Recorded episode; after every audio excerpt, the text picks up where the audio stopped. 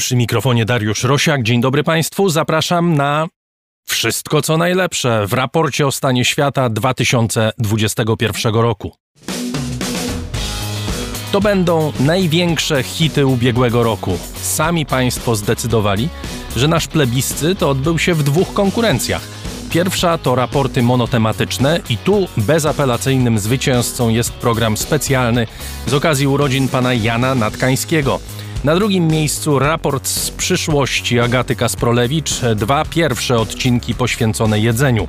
A na miejscu trzecim specjalne wydanie raportu o książkach z Budy Ruskiej. Wszystkie te programy są oczywiście dostępne dla Państwa, łatwo je znaleźć na naszej stronie.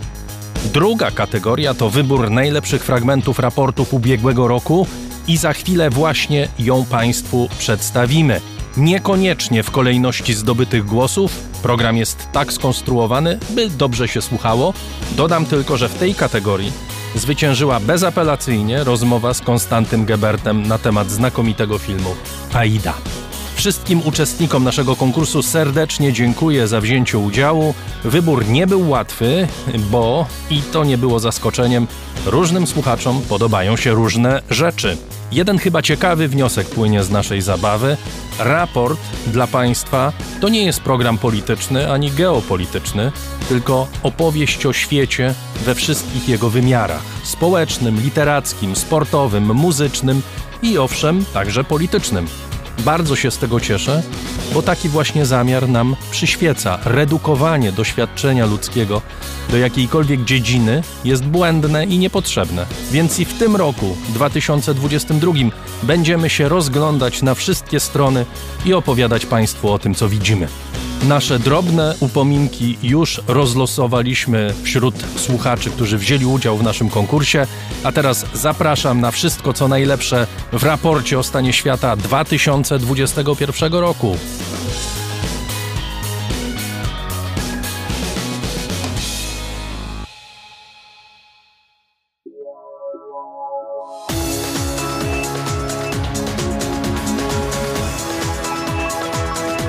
Raport o stanie świata 2021. Wszystko co najlepsze.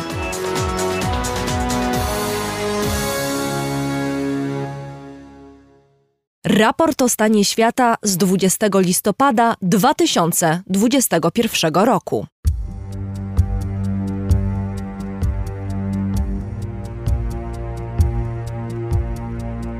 Michał Żakowski w Afganistanie. To jest kulminacyjny etap naszej wspólnej akcji Radia 357 i raportu o stanie świata. Michał Żakowski jest z nami w Kabulu. Witam cię, Michale. Dzień dobry, dobry wieczór. To były na pewno bardzo emocjonujące dla ciebie e, dni, bardzo wiele napięcia, e, wiele różnego rodzaju bodźców, które odbierałeś, spotkań z ludźmi, niesamowitych, przypuszczam, historii, które poznałeś przez te chwile, które mogłeś spędzić e, no, w samym środku tej jednej z najważniejszych historii ostatnich miesięcy. No tak, to jest oczywiście jedno z największych moich doświadczeń dziennikarskich, reporterskich, wyjazdowych, dlatego że obserwuję sytuację, która no, nie ma precedensu. To jest tak, że organizacja przecież uznana za terrorystyczną, organizacja, którą, z którą walczyło wielkie mocarstwo przy pomocy mniejszych mocarstw, w tym także Polski, no de facto przejęła władzę i oczywiście tutaj tych historii na temat w jaki sposób przejęło władzę, w jaki sposób mm, e, ta władza została właśnie przekazana, to była zdrada, co się tak naprawdę wydarzyło.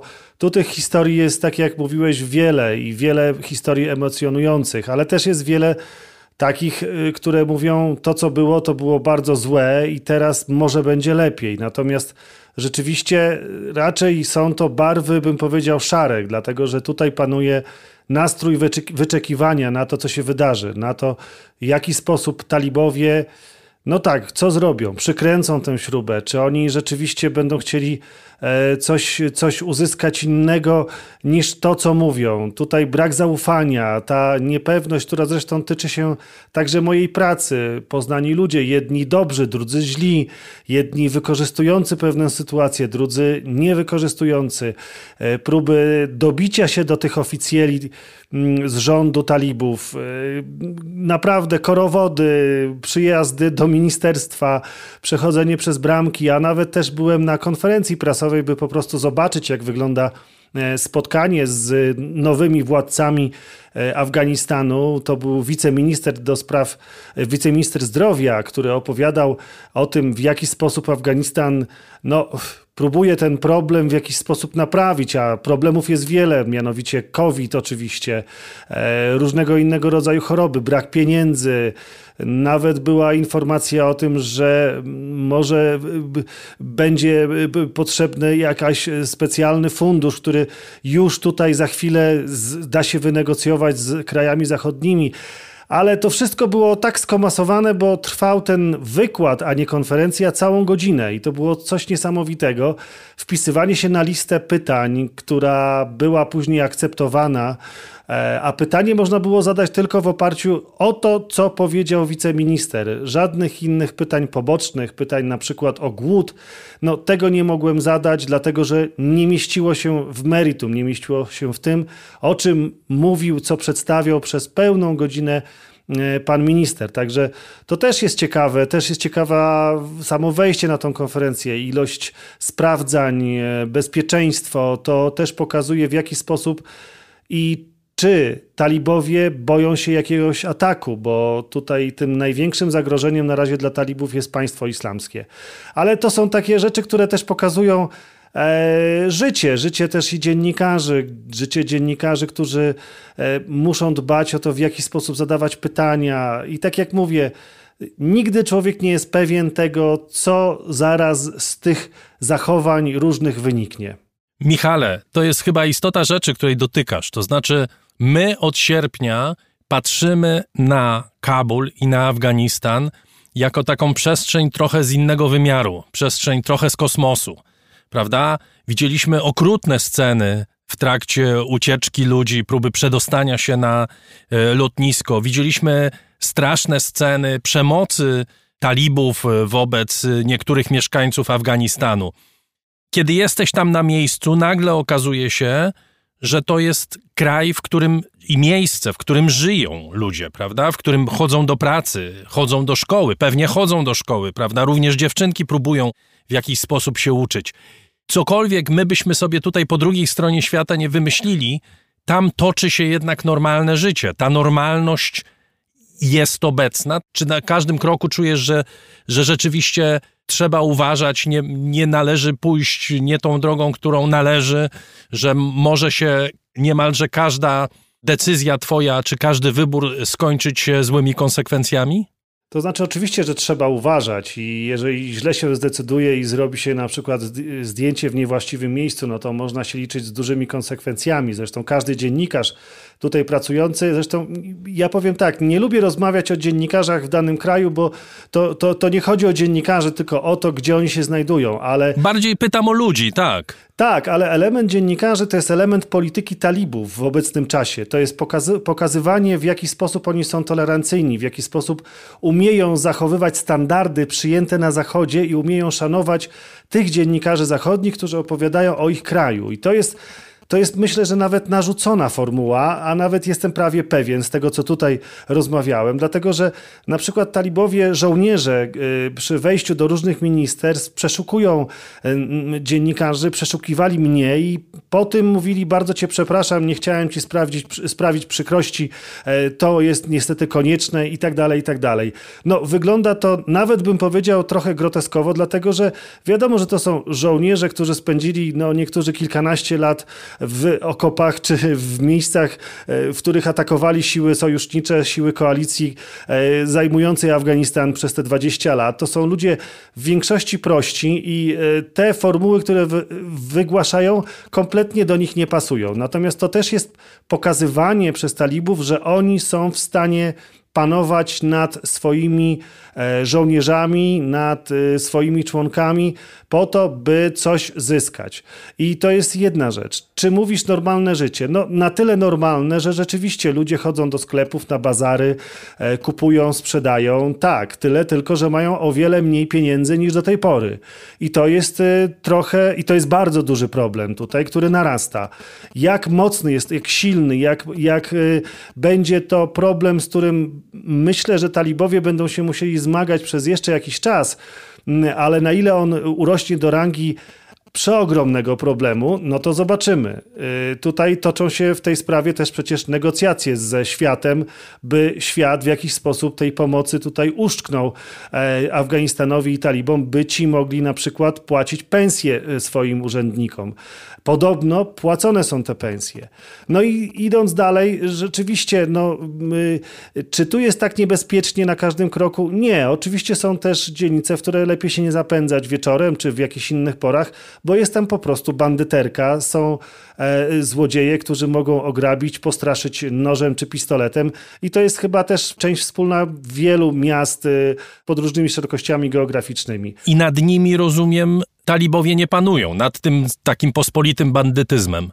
To znaczy próbują panować, ale no nie uda się tego zrobić w ciągu myślę, że dwóch miesięcy, skoro wcześniej wypuściło się niektórych bandytów w liczbie kilku tysięcy e, w Kabulu i w Afganistanie, no teraz trzeba ich wyłapać, prawda? Mm, organizacje przestępcze zawsze tutaj były, organizacje przemytnicze, czy pospolite złodziejstwo. Także no, wielokrotnie mnie ostrzegano, że na przykład jak trzymam telefon w ręku i robię zdjęcie, no to żebym uważał, żeby mi ktoś go nie wyrwał, tak? E, ale to tak jak zawsze w dzielnicach różnych miast. Ja bym tutaj nie, nie chciał, żeby to był przykład pokazujący cokolwiek na temat y, y, tego, w jaki sposób to życie wygląda w Kabulu. E, na pewno trzeba sobie wziąć pod uwagę to, że zawsze trzeba się liczyć z różnymi, różnego rodzaju pytaniami e, na posterunkach, e, czy przez przechodzących talibów, którzy są po prostu też nawet czasami zainteresowani rozmową, co jest bardzo ciekawe. Rozmawiałem zresztą z takim jednym żołnierzem, który no, zapyt, zagaił do mnie, yy, mówiąc do mnie Madziarszak. Ja mówię, jaki Madziarszak? Mówię, Lechistan. Aha, Lechistan. No i zaczęliśmy sobie rozmawiać i tłumaczył mi, że zobaczysz, ten kraj będzie lepiej prosperował, fajniej prosperował, bo do tej pory to była korupcja, było strasznie, natomiast teraz jest duży, duża szansa na wielkie zmiany. Dobrze, Michale, wracamy do rozmowy za chwilę, a teraz chciałbym, y, bo wiem, że zaprosisz nas na spacer po Kabulu, przedstawisz nam relację, która pokaże mniej więcej, jak brzmi to życie, bo to przecież jest istota y, Twojej pracy. Zapraszam Państwa w imieniu Michała. Za chwilę wracamy do rozmowy.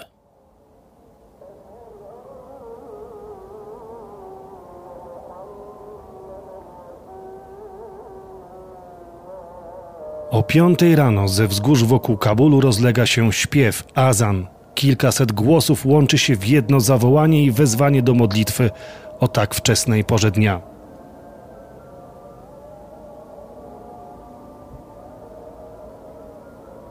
Takiego napięcia i zarazem piękna w melodii nie usłyszymy w wielu miejscach świata islamu.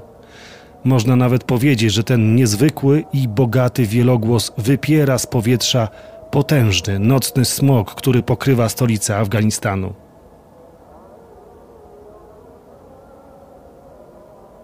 Gdzieś w oddali słychać jeden, dwa wystrzały. Być może to talibowie na jednym z posterunków dają w ten sposób znać, że są i od prawie stu dni miasto jest w ich rękach, tak jak cały kraj.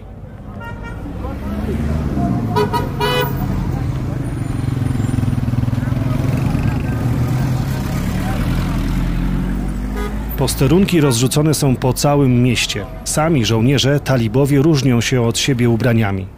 Ci elitarni chronią ważnych miejsc i są w pełni umundurowani, także w elementy amerykańskiego ekwipunku. Na ulicach czy w sklepach spotykam tych w strojach mieszanych, czyli tradycyjny ubiór afgański, szalwar kames oraz narzucona na marynarkę kurtka wojskowa. Mundury stare mieszają się z nowymi, a także z tradycją regionów Afganistanu.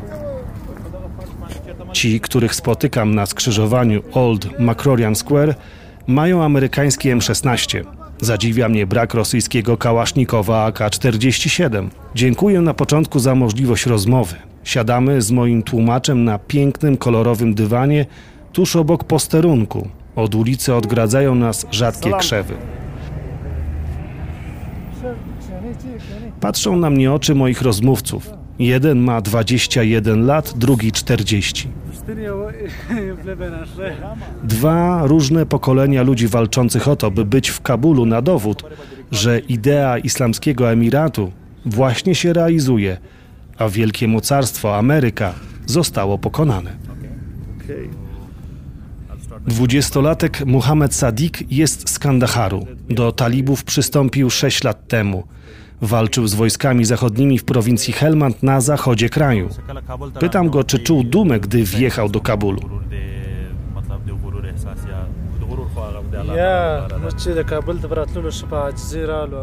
Nie, nie czułem dumy, raczej pokorę. Wkroczyliśmy do Kabulu z Bożą pomocą, ale tu już wszystko było przygotowane. Cieszyłem się oczywiście, że tu jesteśmy. Tak.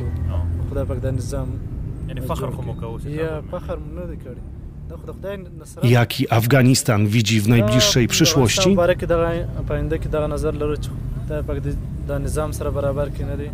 Z Bożą pomocą społeczność talibów jest zjednoczona i mam nadzieję, że nie zaczną się walki pomiędzy nami.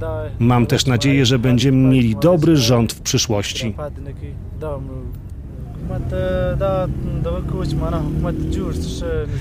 A te sześć lat walki w Helmandzie, czy walczył na pierwszej linii z Amerykanami?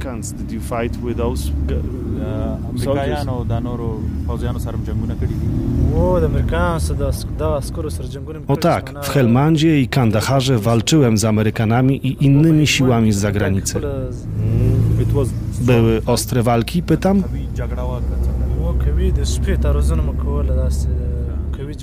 My atakowaliśmy ich przeważnie nocą. Oni nas bombardowali z powietrza mocno.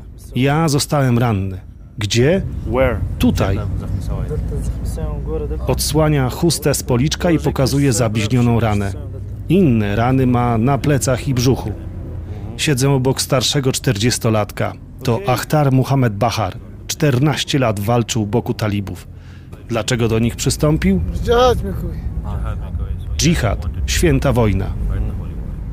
Walczył w Kandaharze. Teraz po 20 latach wojna się według niego skończyła i on chce pomagać ludziom przezwyciężać problemy. Tak mi przynajmniej mówi. Mohamed, ten młodszy, zapytany o to, co będzie robił, gdy wróci do Kandaharu, odpowiada, że być może zajmie się rolnictwem. Wstajemy z dywanu. Czas kończyć rozmowę. Jeszcze krótkie zaproszenie na herbatę. Grzecznie odmawiam talibom i wymieniamy uściski dłoni. Ciekawe, co ludzie walczący od 6 i 14 lat będą robili w, jak to mówią, wolnym Afganistanie.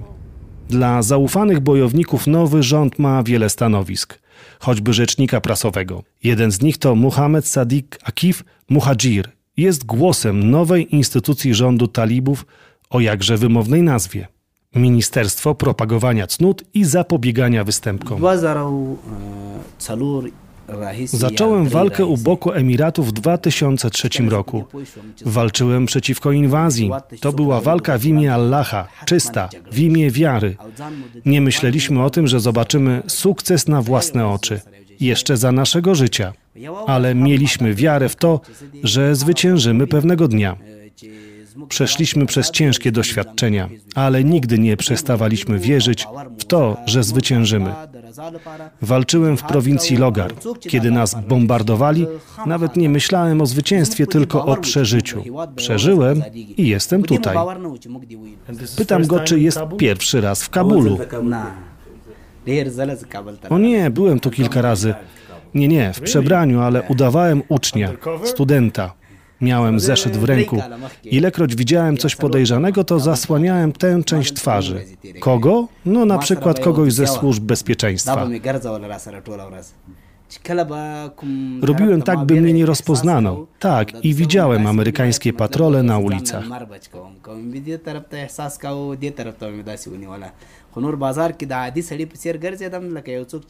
Przechodzę do pytań dotyczących działania Ministerstwa Propagowania Cnót i Zapobiegania Występkom. Po co taki urząd?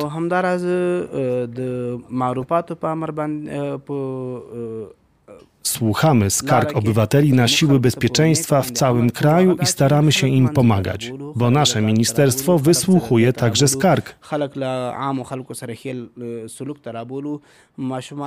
Jeśli chodzi o moralność, to próbujemy tłumaczyć, na prowincji szczególnie, że nie wolno kraść, nie wolno zabijać i robić innych rzeczy niezgodnych z islamem. Chcemy też dawać przykład, bo jeśli nasi ludzie pokażą, jak się dobrze zachowywać, to zwykli ludzie także będą tak postępować. My nie chcemy używać siły, by to tłumaczyć. Chcemy ich przekonywać. Pytam o popularność Emiratu wśród Afgańczyków. Propaganda w mediach, w zachodnich mediach mówi, że jedni chcą tego, a tamci innego rządu. Cały naród wspiera Emirat. Bo przecież jak to się stało, że w ciągu 11 dni zdobyliśmy cały kraj? W każdej prowincji nas wspierano.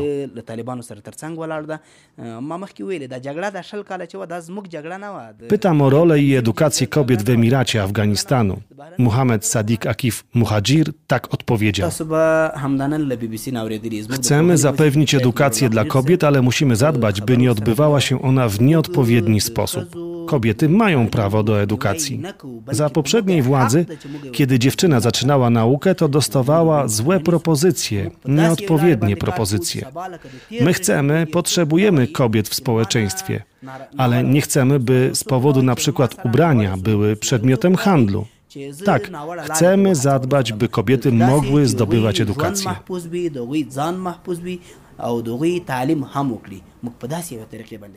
To tyle zapewnień i obietnic rzecznika ministerstwa. Temat kobiet i ich praw, jakkolwiek na czele problemów społecznych Afganistanu, nie jest jedyny. Jak sunnicy talibowie zamierzają układać się z mniejszościami tego kraju, szczególnie tą, która mocno współpracowała z poprzednią władzą, a chodzi o szyitów, Hazarów. W Kabulu zamieszkują dzielnicę bogatszą Karteczar i ubogą Dashti Barci. Yeah, yeah. AK says that. Kabul City. Ochrona Shash. O tej drugiej i biedzie oraz beznadziei w tzw. Tak dystrykcie 13 śpiewał już zespół hip-hopowy z Kabulu AK-13. Śpiewał przed nadejściem talibów, kiedy można było muzykę tworzyć. Podział na szyitów i sunnitów sięga początków islamu. Dla talibów szyici Hazarowie byli przez lata celem ataków i zamachów. W Afganistanie co jakiś czas zamachów dokonuje także terrorystyczne państwo islamskie Chorasanu. Oni z kolei traktują szyitów jak heretyków. Ostatnie 100 dni to dziesiątki ofiar eksplozji zamachowców samobójców w szyickich meczetach w Kandaharze, w Kunduzie oraz mniejszych zamachów, choćby w tym tygodniu w Kabulu w dzielnicy Dashti Barchi. Wybuchają małe bomby podkładane na ulicy czy pod mikrobusami. Do zamachów przyznaje się państwo islamskie, ale wszystkie oczy zwrócone są na talibów. Jak zamierzają ochronić Hazarów? I czy w ogóle chcą zapewnić im bezpieczeństwo. W Dashti Barchi spotykam się z przywódcą duchowym afgańskich szyitów, ajatollahem Waizadą Bahsudin. Już na wstępie pytam go, czy on czuje się bezpiecznie, czy nie czuje się zagrożony. Jego odpowiedź jest krótka, a zarazem treściwa i opisująca to, w jakiej znalazł się sytuacji. Póki tu siedzimy i rozmawiamy i patrzymy na siebie, to jestem żywy, ale co będzie jutro, pojutrze, nie wiadomo. Czy rozmawiał już z talibami? Wysocy rangą przywódcy talibów nie odwiedzili mnie. Nie przyjęto także mojej prośby, bym mógł się z nimi zobaczyć. Odwiedziło mnie około pięciu, dziesięciu żołnierzy talibów, Rozmawialiśmy o różnych sprawach. Widzieli medresę, mówili, że nie mają problemów z ajatollahem Afganistanu. To jest to, co mówią, ale nie wiadomo, jak jest naprawdę.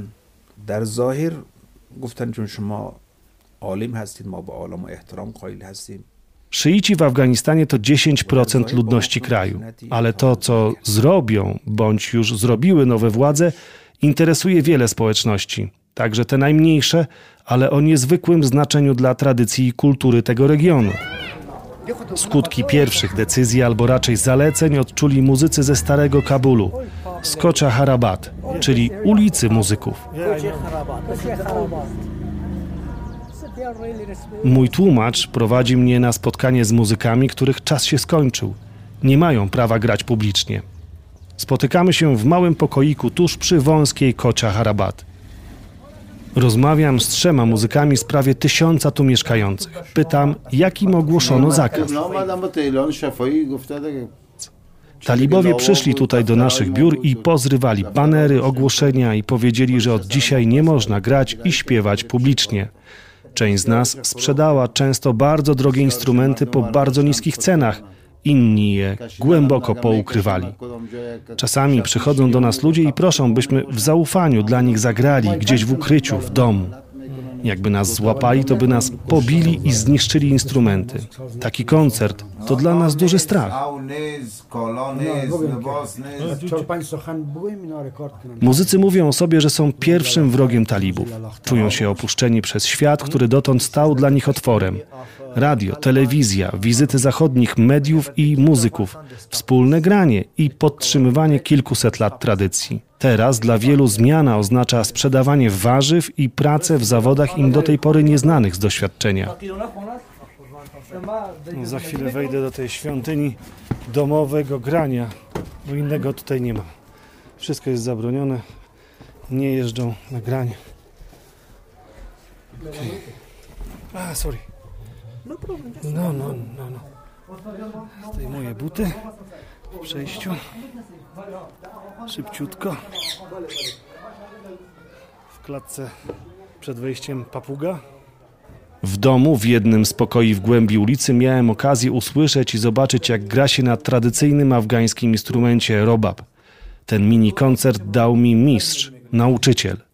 Poprosiłem go na koniec, by zagrał utwór, który oddaje atmosferę ostatnich miesięcy w Afganistanie i tutaj, w Kabulu.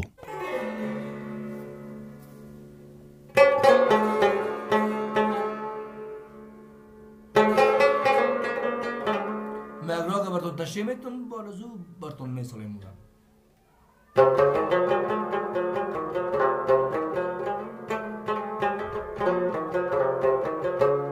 امی ابر ساوسر که در اندوستان رفته بود دروغ تشیده بود بیرو امنه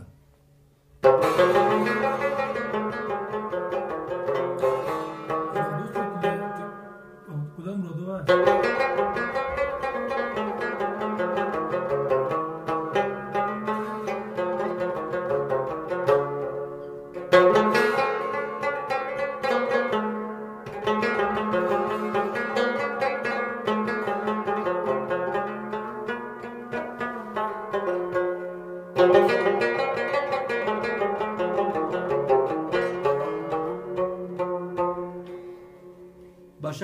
Суродас такий.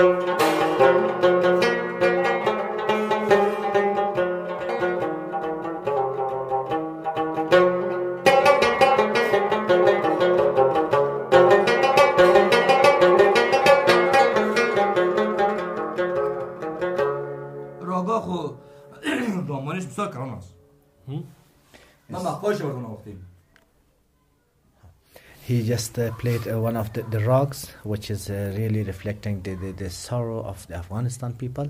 And this was rock was also introduced by Amir Khesrau in India. Okay. Thank you so Very much. much.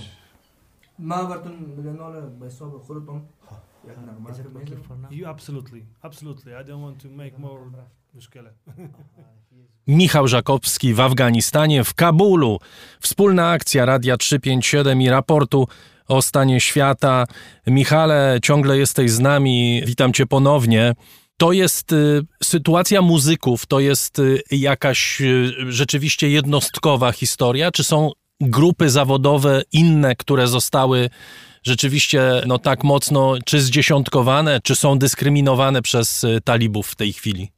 Nie słyszałem o innych grupach zawodowych. E, Te kilkadziesiąt lat temu, kiedy talibowie po raz pierwszy zdobyli władzę w Afganistanie, no to nawet zabronili golenia brud na ulicach. Rzeczywiście golarzy ulicznych nie ma, ale ogolić się, przystrzyc można w każdym właściwie zakładzie, otwartym zakładzie fryzjerskim. E, Muszę powiedzieć, że mam, e, jestem bardzo mocno zarośnięty, ponieważ radzono mi w Warszawie, bym nie układał sobie brody, nie stylizował, gdyż będzie to niemile widziane przez talibów, którzy podobnież taki ukaz e, tutaj zastosowali, takie, takie, taką. Tak, y, tak, tak chcieli wymusić między innymi też na goli brodach, by nie stylizowali brud. Z tego co widziałem, sami talibowie mają stylizowane brody i są bardzo ładnie przystrzyżeni. Już mówiąc trochę żartem, jestem chyba najgorzej wyglądającym mężczyzną w Kabulu, jeżeli chodzi o przystrzyżoną brodę. Idąc dalej, e, jeżeli chodzi o muzyków, no tutaj ta grupa wiedziała o tym, że nadejdą dla nich mroczne czasy, dlatego że talibowie są pod tym względem bezpardonowi. Oni nie widzą możliwości, by muzyka była grana na żywo, by muzycy mogli tworzyć w otwartej przestrzeni publicznej i społecznej, by to było właściwie taką samą normą, jak było do tej pory, ale taką samą normą, jak było przez kilkaset lat jeszcze przed talibami. W związku z tym dla nich to jest niemożliwe. Czy rzeczywiście muzycy będą w stanie coś ugrać i jakąś koncesję u talibów wygrać przy pomocy na przykład chociażby świata, muzyków świata, nie wiem. Oni mi się bardzo żalili, że przyjeżdżali tutaj muzycy, że wszyscy korzystali z ich umiejętności, z ich technik grania, ich wrażliwości muzycznej, z tego przekazu, tradycji tej kilkusetletniej, a nikt teraz za nimi się nie ujmuje. Mówią jeszcze gorsze rzeczy, by powiedział, dotyczące ewakuacji. Powiedzieli, że ci muzycy, którzy byli ewakuowani przez samoloty y, świata zachodu, to są dla nich geszefciarze. Prawdziwi muzycy to my, którzy zostaliśmy, których nikt nie chce, których nikt nie chciał ewakuować. No oczywiście, ile w tym prawdy, nie jestem w stanie sprawdzić. E, Rzeczywiście tutaj e, te, ta ulica muzyków w starym Kabulu jest y, no, pełna tradycji, dlatego od pokoleń ludzie tam grają. To jest y, coś, co jest tak unikatowe, że rzeczywiście dziwi, że nie ma jakiegoś wielkiego oświadczenia i wielkiego ujęcia się za muzykami. To jest nie tyle e, dyskryminowana grupa w Afganistanie, ale również zapomniana przez świat. I o to mają też oni, muzycy, pretensje do tych, którzy, tak jak zresztą przed chwilą słyszeliśmy, do nich przyjeżdżali, skorzystali z ich doświadczeń i korzystali z ich wrażliwości muzycznej. Michale, mówisz o brodaczach, mówisz o muzykach, to może o kobietach trochę porozmawiajmy, bo to jest rzeczywiście temat, który od samego początku, od przejęcia władzy przez talibów, przynajmniej tutaj w świecie zachodnim, budził ogromne emocje. Teraz dochodzą do nas głosy dotyczące tego, że niektóre dziewczynki w dalszym ciągu chcą chodzić do szkoły, że nie poddają się jakimkolwiek restrykcjom.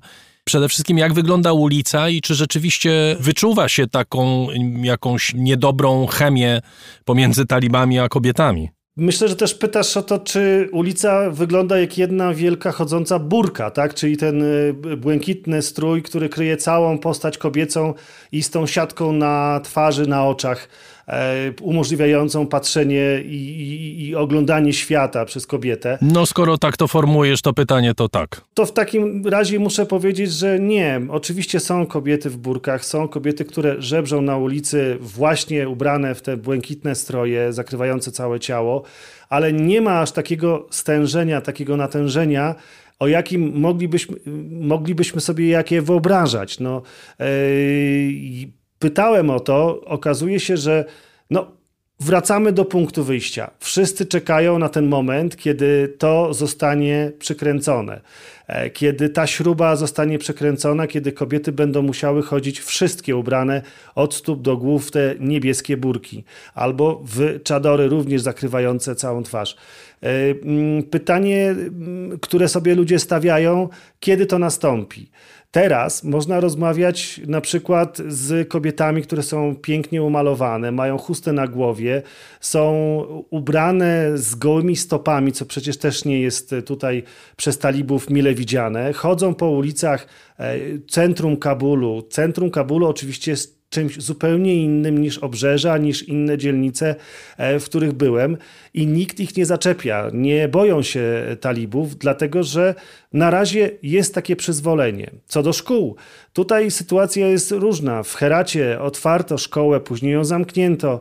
E, w innych miejscach dochodzą informacje, że rzeczywiście dziewczynki mogą uczestniczyć, e, jeszcze innych, że mogą uczestniczyć, mogą je uczyć tylko nauczycielki, ale tych nauczycielek nie ma, w związku z tym nie ma tych lekcji. To jest całe wielkie zamieszanie, które myślę, że też wymyka się spod kontroli z rzeczowej oceny, dlatego że nikt na tym, nad tym nie panuje, ponieważ kto panował do tej pory nad e, szkolnictwem w Afganistanie? Organizacje międzynarodowe, wszelakie.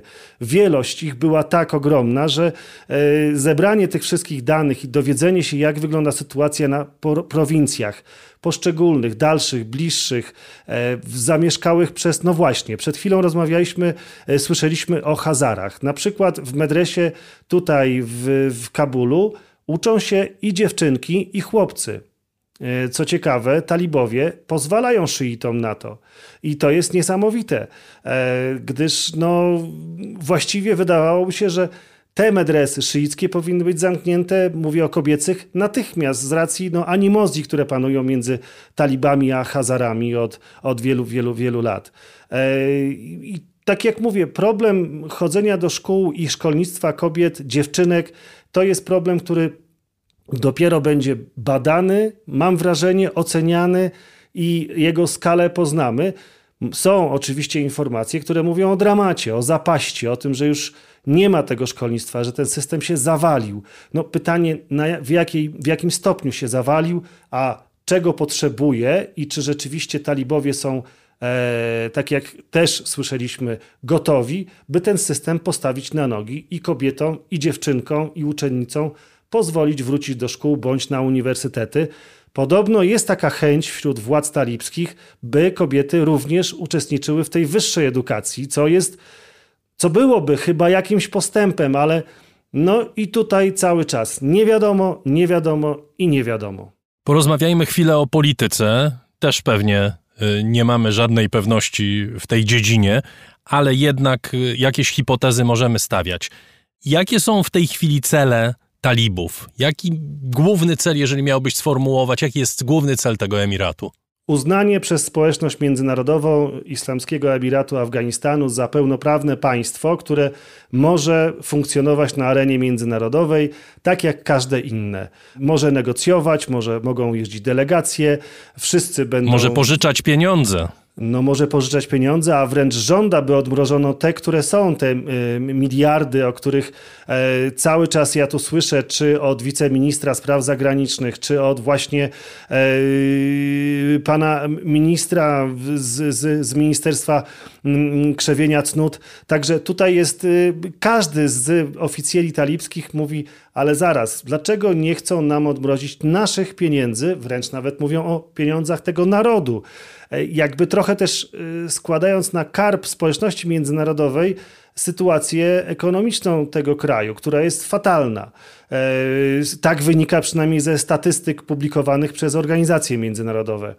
Oni uważają, że to, co się dzieje, to jest dyskryminacja. A ja powiem szczerze, że z rozmowy z panem ministrem wywnioskowałem, że uznanie międzynarodowe i odmrożenie tych aktywów to jest kolejne pole bitwy dla talibów ze światem zachodu. Tyle tylko, że to już jest trochę inne pole bitwy, bardziej dyplomatyczne, wymagające pewnego rodzaju politycznego sprytu, którego chyba im też nie brakuje, bo przez 20 lat mm, zarówno się bili tutaj na terenie Afganistanu, ale e, w Dałsze, w Katarze toczyli negocjacje, które okazały się później na tyle skuteczne, że teraz to oni są władcami tego kraju. A jakie narzędzia mają talibowie? To znaczy, co talibowie mogą zaproponować Zachodowi? Co mogą dać w zamian za to uznanie, Twoim zdaniem? Dyplomatycznie oczywiście. Ja powiem tak, to jest tylko moje zdanie. I oczywiście wycofam się z niego, jeśli ktoś mnie do niego przekona, bądź pokaże inne argumenty, i absolutnie ja to przyjmę. Natomiast moim zdaniem tutaj cała gra e, toczy się o to, w jaki sposób pomóc Afgańczykom przetrwać zimę.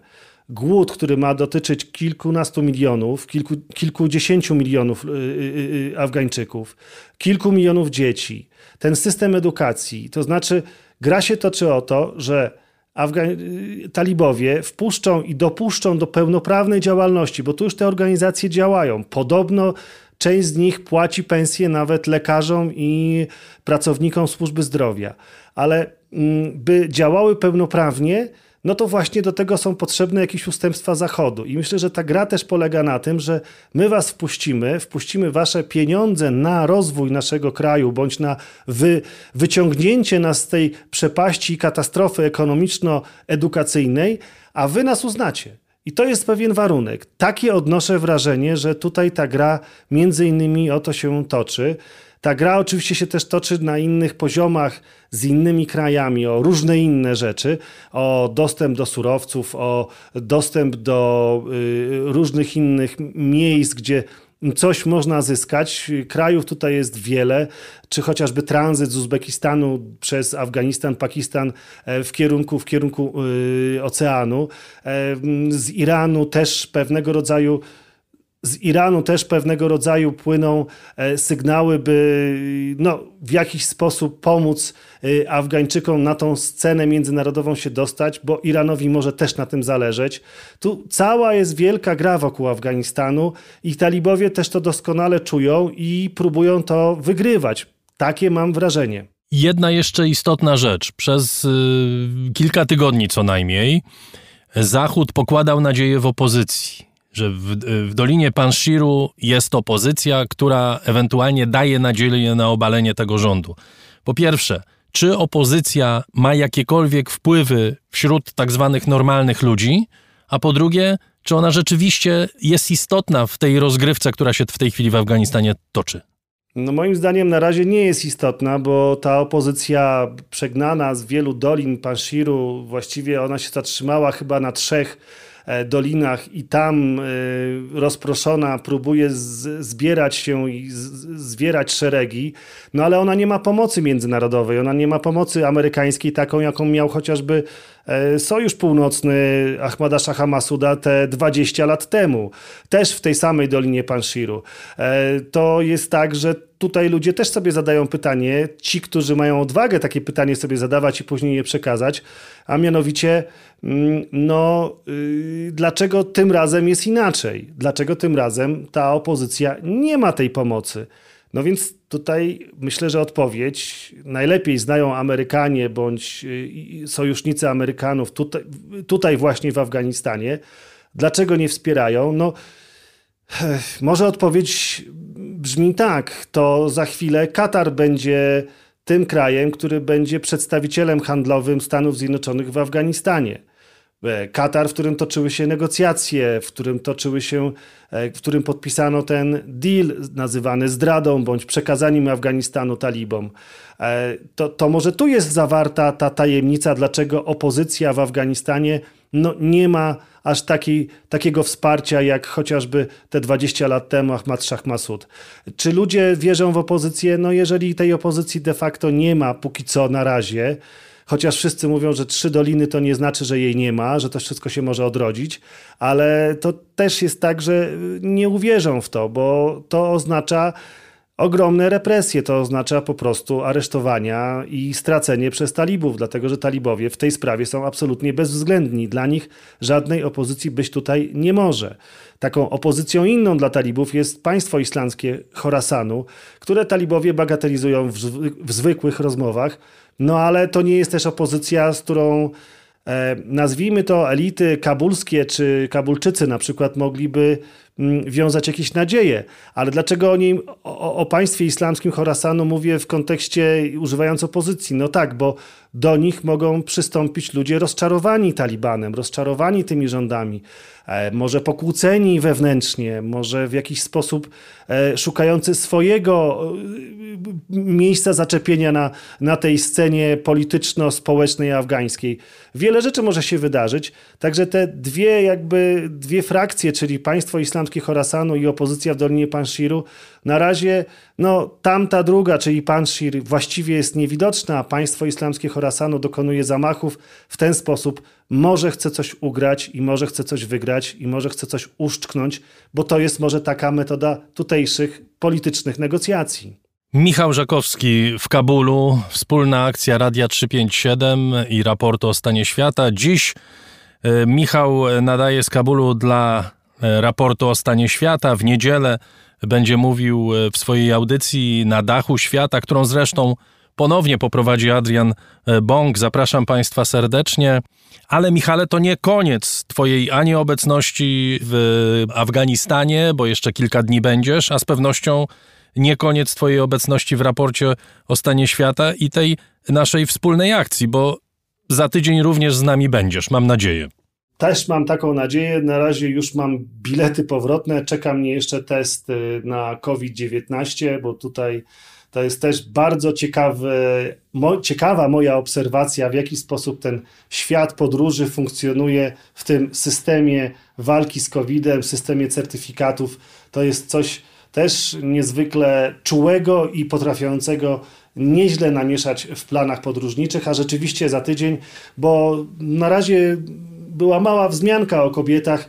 Ja tutaj kilka z nich spotkałem, ale no, nie chciałem ich tutaj e, przepytywać w różnych miejscach, dlatego że obawiałem się o ich bezpieczeństwo. Mam nadzieję je w jakiś sposób jeszcze odpytać i zaprezentuję to, co one widzą, jak widzą Afganistan właśnie za tydzień w raporcie o stanie świata. Michale, czekamy na Ciebie. Spokojnego przede wszystkim powrotu, aby trwał znacznie krócej niż e, twój e, wyjazd i przyjazd e, do Kabulu, bo pamiętamy, to zabrało kilkanaście dni, no ale na tym polega ta przygoda. Bardzo serdecznie Ci dziękuję za dziś.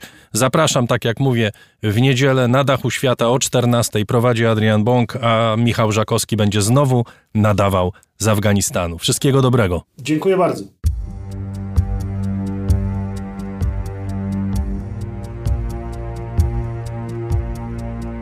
Michał Żakowski w Afganistanie.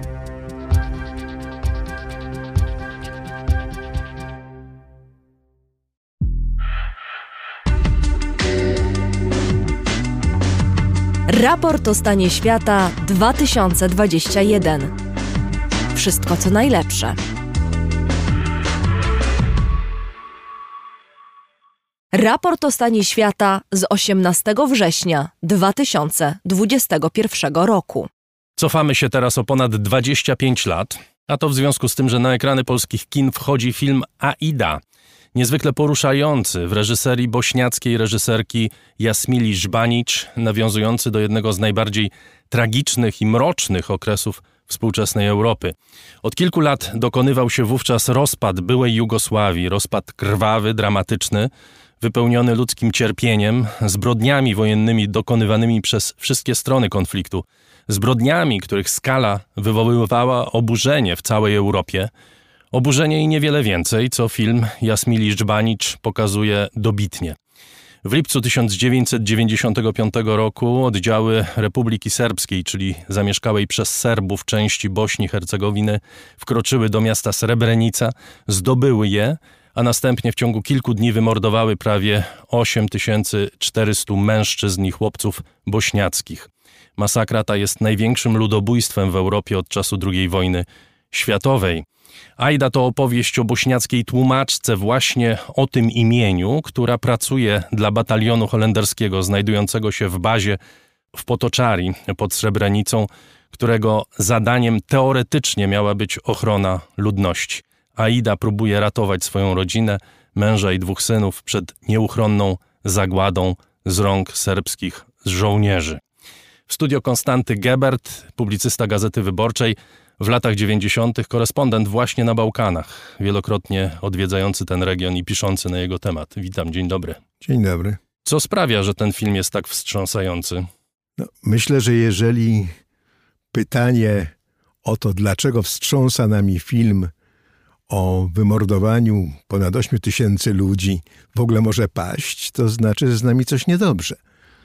E, ale oczywiście, no może to jest odpowiedź trochę demagogiczna. Gdyby to był zły film, to by nas znudził, a nie wstrząsnął. Dlatego pytam. To znaczy, dlaczego ten film jest tak dobry? Co powoduje, że tak mnie się przynajmniej wydaje, że, że ten film dotyka pewnej prawdy, która wychodzi poza politykę, poza jakieś y, tezy społeczne, kulturowe i tak dalej, i tak dalej, tylko dotyka prawdy o człowieku, bo tak mi się wydaje, że ona, że, że ten film właśnie taki jest. No to się w zupełności zgadzam. I myślę, że oprócz tego, że jest to znakomita reżyserka i wielka aktorka, znaczy to jest jedna z, z najbardziej przejmujących e, ról, jakie widziałem na ekranie e, w tym stuleciu. E, I warto pamiętać, że zagrała tę rolę serbska aktorka. A Jasna Dżurić, która normalnie gra w teatrze w Nowym Sadzie, w Wojwodinie na północy Serbii. Ale nawet no, to, że jest to wielka reżyserka i wielka aktorka, by nie wystarczyło gdyby nie konstrukcja filmu, która od samego początku każe nam się domyślać, że to się skończy katastrofą, a cały film właściwie pokazuje w sposób chłodny, kliniczny i beznamiętny, że tak, owszem, że to się musiało skończyć mordem, bo jak to powiedział Burke, do tego, żeby zło zwyciężyło, wystarczy, żeby dobrzy ludzie nie robili nic. Dobrzy ludzie, że mogli coś zrobić, nie robili nic. W związku z tym to, co robili inni dobrzy ludzie, od których nic nie zależało, nie miało już żadnego znaczenia. Co się wtedy stało? Co się stało w lipcu 95 roku w Srebrenicy i w okolicach? Srebrenica padła po trzech latach serbskiego oblężenia i tutaj przypisu do ustrony. E, mówiłeś wcześniej, że wszyscy popełniali zbrodnie i to jest prawda. Tak samo podczas II wojny światowej wszyscy popełniali zbrodnie, ale 90% ofiar tych zbrodni padła z rąk serbskich nacjonalistów. Gdyby... Nawet jeśli bierzemy pod uwagę sytuację z początku wojny Chorwatów i obozów koncentracyjnych? I Chorwaci, na mniejszą skalę Bośniacy także dopuszczali się zbrodni. Natomiast możliwości ich realizacji mieli nieporównanie mniejsze, bo to Serbowie w wiosennej ofensywie zagarnęli dwie trzecie Bośni, a następnie przystąpili do czystek etnicznych – czyli do mordowania ludzi po to, żeby reszta niechcianej populacji w popłochu uciekła. Y, tym się różni masakra od ludobójstwa. W Srebrenicy siły serbskie przekroczyły ten próg. W Srebrenicy nie chodziło o to, by mordami przerazić resztę. Chodziło o to, by wymordować Bośniaków tak, żeby ich więcej tutaj nie było. I gdyby wojna trwała dłużej, y, myślę, że zamiast mówić o akcie ludobójstwa w Srebrenicy, jak głosi orzeczenie Trybunału w Hadze, to byśmy mówili o ludobójstwie w wojnie bośniackiej, o fazie przygotowawczej 92-95, od 95 roku już o fazie ludobójczej. Y, Srebrenica broniła się przez trzy lata, między innymi dlatego, że została ogłoszona przez ONZ strefą bezpieczną. Takich stref bezpiecznych w Bośni Rada Bezpieczeństwa uchwaliła pięć. Srebrenicę, Gorażdę, Rzepę. To były wszystkie miejscowości na wzgórzach we wschodniej Bośni, oblegane od 1992 roku przez Serbów. Y, Bichać na zachodzie kraju i stolicę Sarajewo. I strefy bezpieczne miały mieć bardzo prostą, e, bardzo prosty status prawny. E, siły zbrojne e, w strefach bezpiecznych miały być pod kontrolą ONZ. Naruszenie granic strefy bezpiecznej miało w sposób automatyczny powodować naloty NATO na wojska atakujące. siły zbrojne nigdzie nie były w pełni pod kontrolą ONZ, ponieważ broniący się ludzie i słusznie e, nie ufali e, międzynarodowym gwarancjom. Natomiast NATO było gotowe wywiązać się ze swoich zobowiązań. ONZ postanowiła z nich nie korzystać, kiedy żołnierze pułkownika Karemansa, dowódcy holenderskiego batalionu stacjonującego w Srebrenicy, e, po kolejnej serbskiej ofensywie, od której zaczyna się ten film, e, zaczęli żądać od dowództwa sił ONZ w Zagrzebiu nalotów zgodnie z tym, co zostało wielokrotnie e, Bośniakom obiecane. Spotykało ich albo milczenie, albo w jednym wypadku odpowiedź, że prośba o naloty została wysłana na niewłaściwym formularzu. I to wszystko widzimy. I to wszystko widzimy krok za krokiem. I wiemy już, znaczy na początku się pewnie tylko domyślamy, że skoro nie będzie nalotów, no to będzie rzeź, bo nic oprócz siły nie byłoby w stanie powstrzymać wojsk generała Mladicia, a siły międzynarodowe, jedyne, które taką siłą dysponowały, postanowiły jej nie użyć. Wracam do tego, o czym powiedziałeś na samym początku. W tym filmie, oprócz jednej naprawdę brutalnej sceny przemocy, w zasadzie scen przemocy nie ma. Y, między innymi to stanowi również siłę tego, tak. tego filmu, prawda? Y, ta opowieść koncentruje się na kobiecie. To jest opowieść poza polityką, tak naprawdę pokazującą, że ten prawdziwy dramat ludzki zwykle odbywa się poza polityką, poza przekazem medialnym, poza tym, co my y, przez radio czy y, mówimy, czy w gazetach piszemy. Ale ja bym chciał wrócić do tego, o czym mówiłeś o ludobójstwie. Jest taka teza, takie przekonanie, które również w odniesieniu do Bałkanów próbowano zastosować, a które stosowano nagminnie w odniesieniu do ludobójstwa, które miało miejsce rok wcześniej w Rwandzie. Jakoby ludobójstwo było wynikiem opętania niektórych ludzi przez demony. Prawda? W Afryce to jest bardzo proste, no bo w Afryce generalnie e, demony e, sobie grasują i ludzie co jakiś czas im ulegają. W przypadku Bałkanów nawet jest taka znana książka, prawda, Roberta Kaplana pod tytułem Bałkańskie upiory, która też mniej więcej tą tezę lansowała, że no, Serbowie, Bośniacy, Chorwaci, oni tak mają, że co jakiś czas chwytają za siekiery i po prostu zaczynają sobie odcinać głowy. To jest po pierwsze nieprawda, a po drugie, nie wiem czy się zgodzisz, wszystkie chyba ludobójstwa y, nowoczesności mają taki sam charakter, prawda? One się odbywają według tego samego schematu i to bałkańskie ludobójstwo, ten akt w Srebrenicy również w taki sposób przebiegł. Tak, tutaj chodzi o rzecz bardzo prostą, mianowicie o przekonanie, że pozbawienie życia jakiejś określonej grupy ludzi uczyni świat lepszym. Y, ludobójca sposób zasadniczy różni się od masowego mordercy. Masowi mordercy mordują, bo im to sprawia przyjemność. Ale w tym jest też nadzieja. Bo jak już się namordują, natorturują, nagwałcą, no to jak ktoś to przeżyje, to a niech se żyje, a co mi tam? Ludobójca nie czerpie przyjemności z tego, co robi.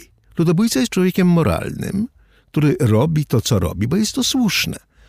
To mi mówili y, ludobójcy w Rwandzie i to mówili też, aczkolwiek już nie mnie, y, sprawcy ludobójstwa srebrenickiego. Mówili... to samo mówili wcześniej hitlerowcy. O tak, po, po... no to jest, to jest mowa Himmlera w Poznaniu, tak. tak. Że to jest przykre, nieprzyjemne, ale ktoś to musi zrobić i ja jako człowiek moralny nie mogę się uchylić przed moim obowiązkiem.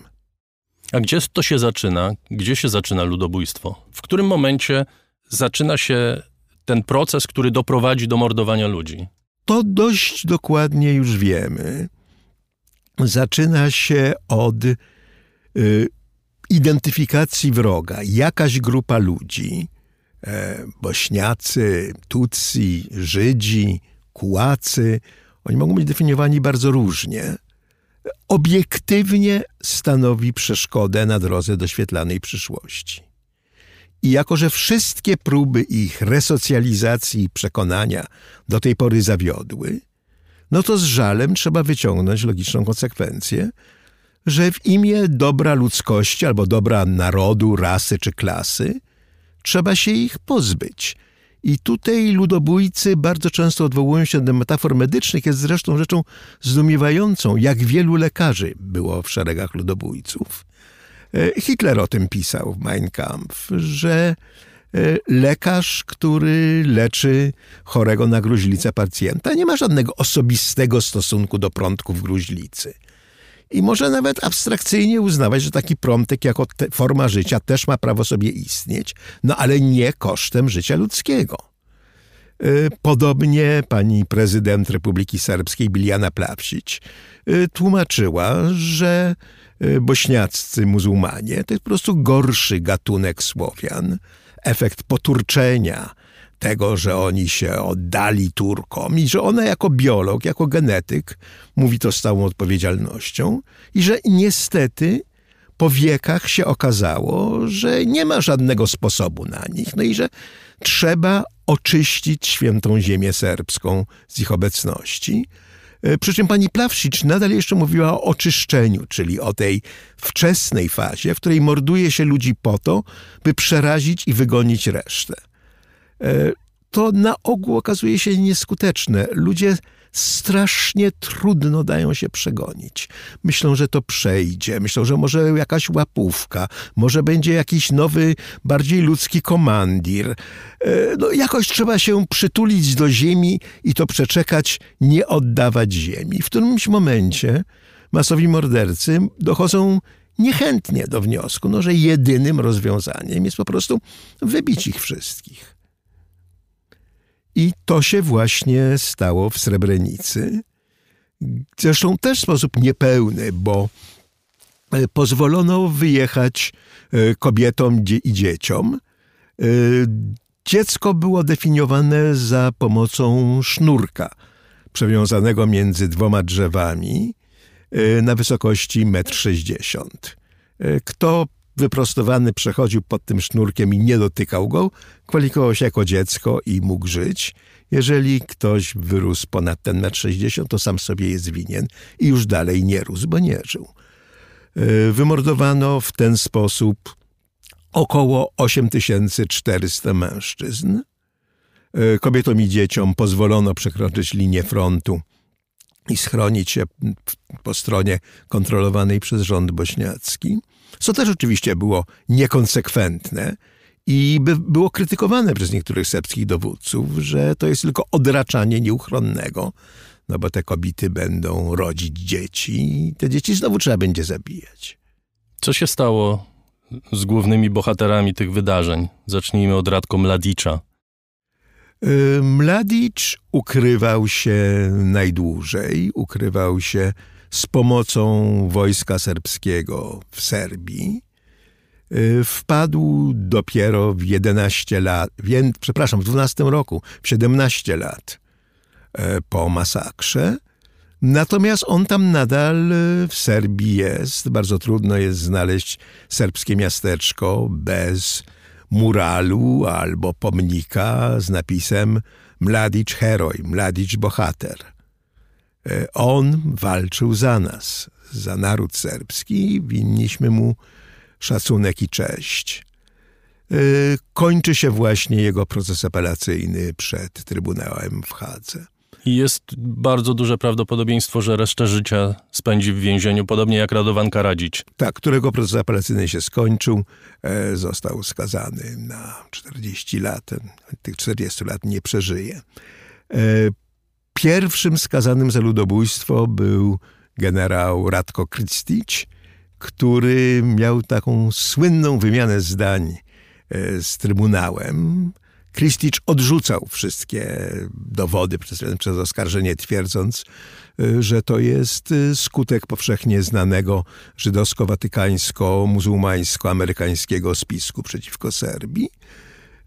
Ale powiedziano dobrze, załóżmy nawet dla dobra dyskusji, że rzeczywiście tam zginęło tych 8400 Turków, jak on mówił. 8400. No czy to jest ludobójstwo? I na co przewodniczący Trybunału odpowiedział, A dokładnie jaka liczba by pada zadawalała generale? No generał Kristicz zrezygnował z linii obrony, odsiaduje swój wyrok dożywocia w więzieniu w Piotrkowie Trybunalskim. A co się dzieje z pułkownikiem Tomem Karemansem? To jest bardzo nieszczęśliwy człowiek, jest na emeryturze. E, jego kariera wojskowa e, się skończyła i on sam ze sobą z trudem wytrzymuje, jak mówi.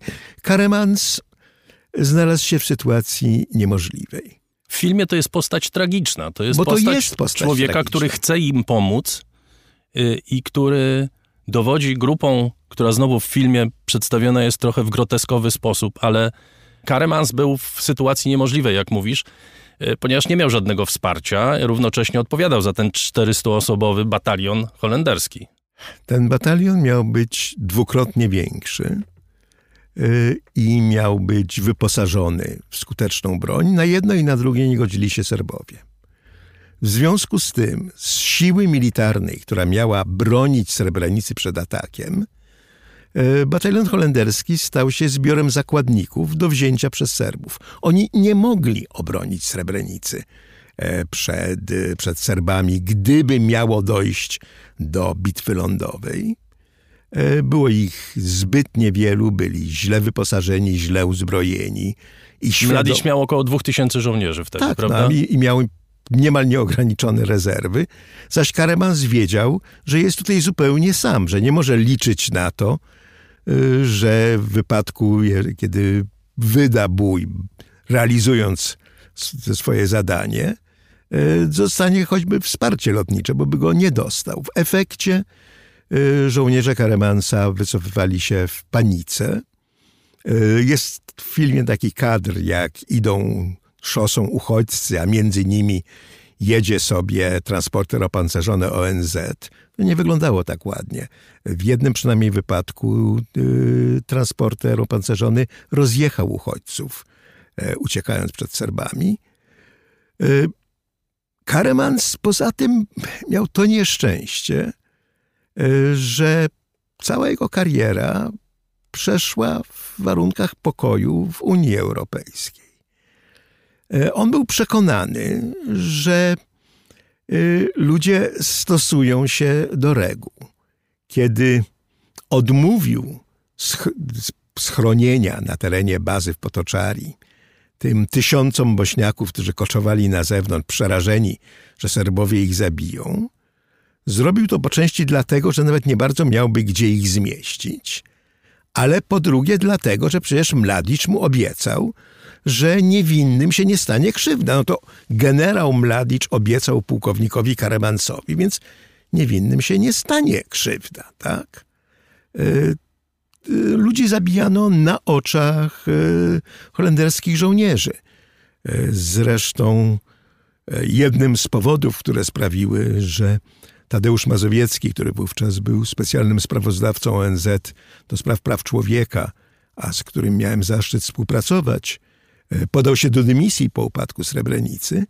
Jednym z powodów było to, że wiedzieliśmy o tym, że są sporządzone z ukrycia e, filmy wideo zrobione przez Holendrów pokazujące te rozstrzeliwania. Żaden do nas nie dotarł. Wszystkie albo zaginęły, albo przez przypadek zostały skasowane. No tu zadziałało dowództwo holenderskie, które nie mogło wydać w ręce organizacji międzynarodowej dowodów bierności swoich żołnierzy w obliczu zbrodni. Dodajmy dla ścisłości, że to jest temat, którego Holandia y, nie pozbyła się, to znaczy nie, nie zamiotła tego pod dywan. Y, Rząd upadł w związku Mało z tym, tego, prawda? że rząd upadł. Latami toczą się procesy e, o odszkodowania do rządu holenderskiego. Rząd holenderski przyjął taką legalistyczną zasadę, że nie ponosi żadnej prawnej odpowiedzialności za śmierć tych 8400, ale ponosi odpowiedzialność moralną, więc wypłaca odszkodowania dla niektórych e, ci, ci, którzy przeżyli, żyją często w upadlającej nędzy. E, Te niewielkie odszkodowania, które Haga wypłaca, wystarczają. Inni uważają za zniewagę, że rząd holenderski nie poczuwa się do prawnej odpowiedzialności za los ludzi, którzy byli jednak było nie było pod jego ochroną i nie przyjmują tych odszkodowań. E, Hasan Mochanowicz, e, na którego historii oparta jest fikcyjna historia Aidy, bo to się zdarzyło naprawdę, tylko e, nie matka ratowała męża i synów, tylko syn ratował brata i rodziców i też mu się nie udało.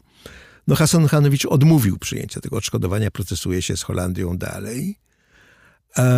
Ale trzeba pamiętać, że ci żołnierze holenderscy to nie byli źli ludzie. To nie było tak, że oni mieli w nosie e, los Srebreniczan. Oni poczuli się bezradni w sytuacji, kiedy e, po drugiej stronie ludzie grają nie fair, a ich własne dowództwo ich opuściło. To jest ten moment, w którym albo ludzie biorą e, odpowiedzialność za los świata na, na swoje barki, albo odmawiają i potem przez resztę życia żyją ze świadomością moralnej klęski. I to nie jest fair, że człowiek staje w obliczu takiego wyzwania. I oni, to wszystko byli ochotnicy, ci, ci holenderscy żołnierze, e, oni tam poszli na wojnę, nie na konradowskie dylematy moralne. Ale wojny nie dano im stoczyć, a z konradowskimi dylematami no, muszą się mierzyć po dziś dzień. Co z ofiarami? Do tej pory niektóre matki, żony szukają ciał. Ofiary najpierw grzebano byle jak w zbiorowych grobach, e, zresztą sfotografowanych od razu z satelity, także nikt nie miał wątpliwości co do tego, co się zdarzyło w Srebrenicy. E, zresztą na marginesie końcowa scena, scena rozstrzelania w kinie jest jedyną sceną w filmie, która nie jest historyczna. Kino nie w Srebrenicy, w Srebrenicy nie było kina, ale była w sąsiednim zworniku, służyło jako miejsce przetrzymywania e, jeńców przed rozstrzelaniem, ale nikt przy zdrowych zmysłach nie rozstrzeliwuje w kinie, potem jest strasznie dużo sprzątania. E, tych do rozstrzelania wyprowadza się z kina i się rozstrzeliwuje pod ścianą kina czy gdzieś, ale gdzieś no pod gołym niebem, żeby łatwiej było zakopać. Więc y, oni zostali zakopani byle jak. A potem Serbowie szybko przegrali wojnę i serbscy dowódcy się zorientowali, że te zbiorowe groby mogą być dowodem przeciwko nim.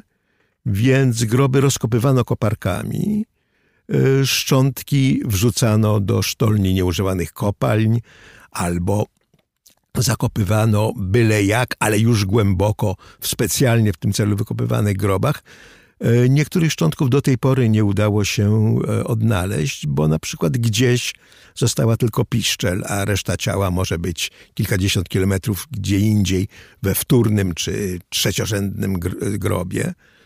I te prace ekshumacyjne trwają nadal, przy czym e, część ludzi leżała tam, gdzie zostali zabici. Ci mężczyźni, którzy poszli w las, jak mówi Aida e, w filmie, e, ogromna, wielotysięczna kolumna mężczyzn, którzy wiedzieli, że ich na pewno Mladicz każe rozstrzelać, szła przez las i w którymś momencie została dogoniona e, przez oddziały ONZ-u. Tak to kończenie wyglądało. Pojazdy ONZ-owskie i żołnierze w mundurach ONZ-owskich, którzy wołali, żeby wychodzili, że będą pod ochroną ONZ-u. No to były ONZ-owskie pojazdy i ONZ-owskie mundury, które żołnierze Mladicia zabrali Karemansowi, a tych, którzy wychodzili z lasu, rozwalano od razu. Ich ciała bardzo długo tam po prostu leżały. Można było dosłownie się potknąć o wystającą z ziemi czaszkę. E, także nie wszystkie ciała zostały odnalezione.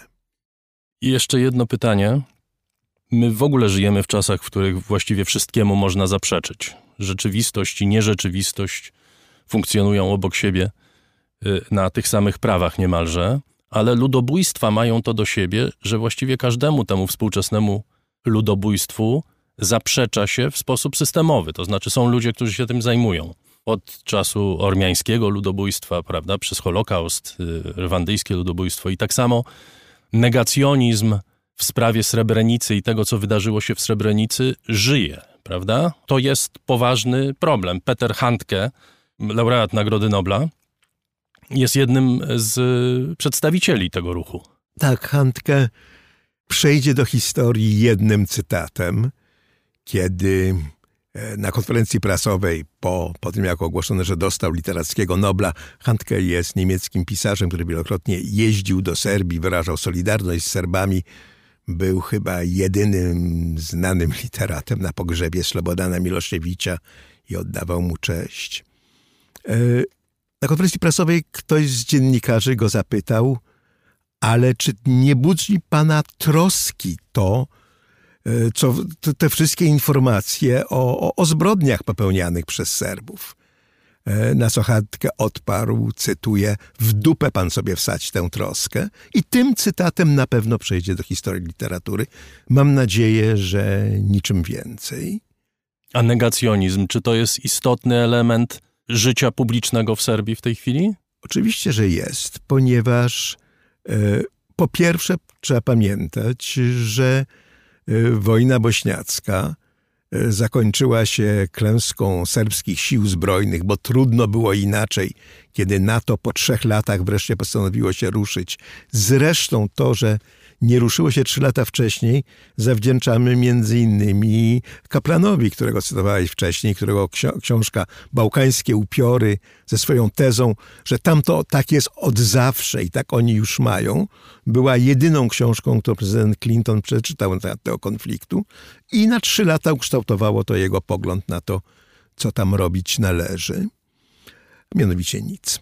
Yy, więc yy, w 1995 roku siły NATO pokonały wojska Republiki Serbskiej, natomiast politycznie zakończyło się to remisem.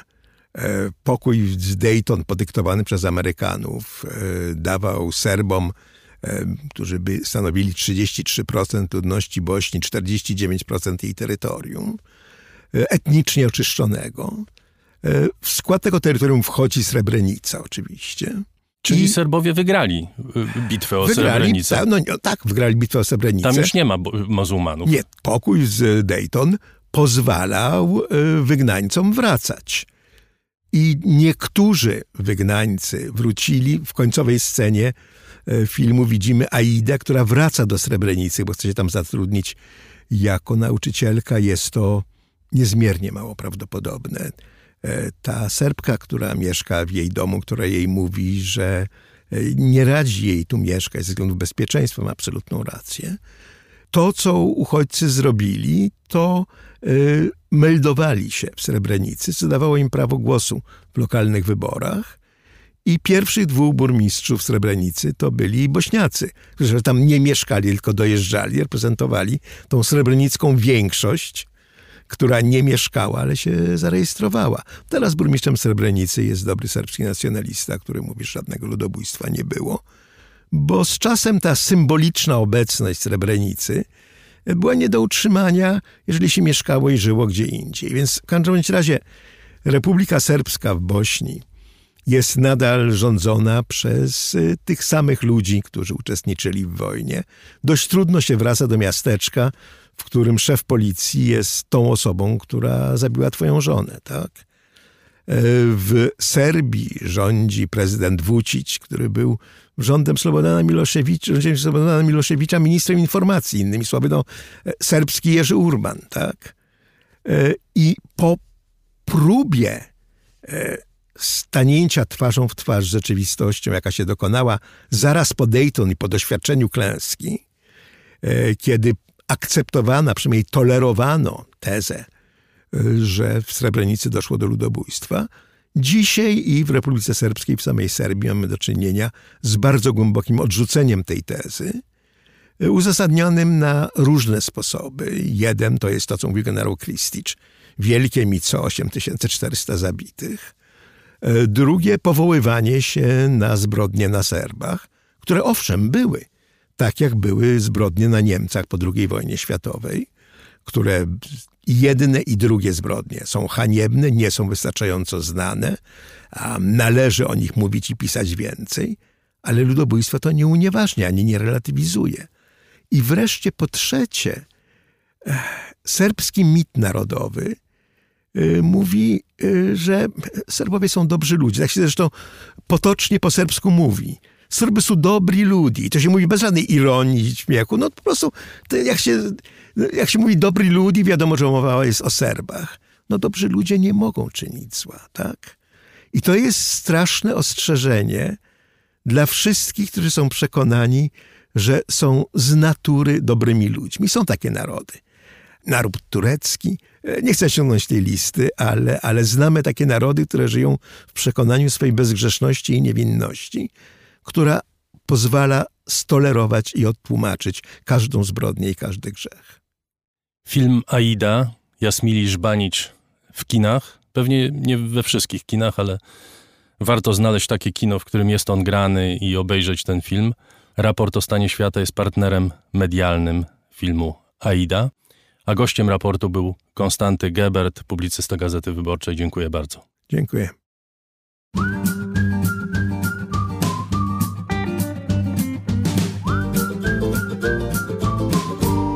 Raport o stanie świata z 17 kwietnia 2021 roku.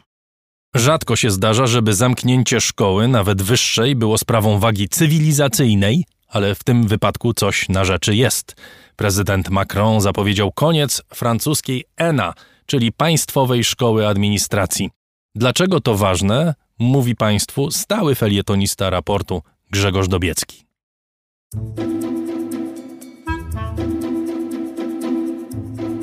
Jaka jest religia państwowa we Francji? Już dawno nie katolicyzm, islam jeszcze nie prędko, więc co? Laicyzm, ktoś odpowie, pewien, że trafił. Istotnie celu nie chybił, jednak to nie strzał w środek tarczy.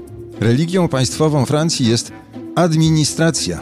W odróżnieniu od wszystkich innych wyznań metafizycznie uniwersalna, dialektycznie jednorodna, zarazem mono, pan i ateistyczna. Syta, otyła od datków i podatków, a z wiecznego nienasycenia i tak zjadająca własny ogon. Wszechobecna, wszechmocna, wszechfrancuska. Administracja ma swoją liturgię, własną obrzędowość i autokefaliczny kościół. Jego głową jest szef państwa, upozowany na cesarza, ale to nie monarchia. Bo jest jeszcze kasta kapłanów, strzegąca tajemnic, czystości i mocy wiary. Enarchowie, czyli absolwenci słynnej ENA, École Nationale d'Administration. Prezydenci, ministrowie, dyplomaci, prefekci, urzędnicy najwyższych szczebli, ale też prezesi wielkich spółek, zarządcy gospodarki i finansów, templariusze administracji. Za ich sprawą Francja jest enarchią. Czy to źle? Długo było dobrze, nawet bardzo. ENA powołał do życia już jesienią 1945 roku generał de Gaulle, by odmienić i zdemokratyzować kadry państwa, którego dotychczasowi notable nawykli do reguł nepotyzmu i protekcji w III Republice. W dodatku mieli na sumieniu hańbę Vichy. Nowa Krajowa Szkoła Administracji wydawała na świat kolejne mioty świetnie wykształconych funkcjonariuszy publicznych. To w znacznej mierze oni przeprowadzili Francję przez odbudowę, dekolonizację, modernizację, przez początki konstrukcji europejskiej. Całe powojenne, tak zwane chwalebne trzydziestolecie było złotym okresem ENA i jej absolwentów, pochodzących wtedy jeszcze nie tylko z wielkiej burżuazji. Po czym w latach 70. zaciął się mechanizm, który my nazywamy a raczej nazywaliśmy, bo i u nas też już nie działa, awansem społecznym, a Francuzi windą socjalną. Ena kuźnia elit stopniowo formowała głównie słuchaczy już z elit się wywodzących. Gorszy sort po drodze był odcedzany. Konkursowy egzamin do tej uczelni musiał być w praktyce poprzedzony nauką w najlepszych szkołach, właściwie niedostępnych dla młodzieży z rodzin uboższych i spoza Paryża. Rozrost i reprodukcja kasty sług państwa postępowały zgodnie z prawem Parkinsona i sprawami biologii. Także dziś, po 75 latach istnienia szkoły, większość z najmłodszych mandarynów administracji może o sobie powiedzieć enarcha z dziada pradziada. Problem z nimi jest jednak jeszcze inny. ENA nie tyle formuje, co formatuje przyszłą służbę cywilną wedle kanonu pensée unique, myślenia jedynie słusznego. Przez lata ów kanon sprowadzał się do francuskiego etatyzmu. Referencją było własne państwo. Model się pokruszył, kiedy etatyzm ugiął się pod ciężarem liberalizmu i globalizacji. Nie zmieniła się natomiast metoda, zgodnie z którą ENA gwarantuje, owszem, znakomite wykształcenie, nie zapewnia jednak wiedzy stosowanej ani kontaktu z terenem. Więcej, w ogóle nie przygotowuje do konkretnej pracy, bo o tym, kto gdzie trafi jako absolwent, decyduje końcowa klasyfikacja w danej promocji. Pierwsza piętnastka, zwana La Botte, może przebierać w najlepszych ofertach. Rada Państwa, Izba Obrachunkowa, Inspekcja Finansów. Pozostali pójdą do urzędów niższej rangi. Chyba, że, co stało się jeszcze inną przywarą enarchów, wybiorą pantouflage, czyli stałe albo czasowe przeprowadzki ze służby państwowej do wielkich pieniędzy w sektorze prywatnym. Tak właśnie przebiegała kariera Emmanuela Macrona, enarchy modelowego. Z ENA do Inspekcji Finansów, stamtąd do Banku Rothschildów, potem do rządu, wreszcie do Pałacu Elizejskiego. I teraz, przymuszony protestami żółtych kamizelek, osłabiony koronakryzysem, niepewny reelekcji, ten sam Macron chce to wszystko zmienić. No, wszystko to za dużo powiedziane, raczej dokonać rebrandingu. Krajowa Szkoła Administracji zostanie zlikwidowana, a w jej miejsce w tym samym gmachu za rok pojawi się Instytut Służby Publicznej. Miałby rekrutować, kształcić, kierować do pracy w sposób bardziej demokratyczny, produkować kadry państwowe bliższe ludowi, elity bardziej egalitarne. W nie tak dalekiej przeszłości i w innym systemie już podobne próby podejmowano, więc zapytajmy już teraz, mędrcy świata, enarchowie, gdzie śpiesznie dążycie?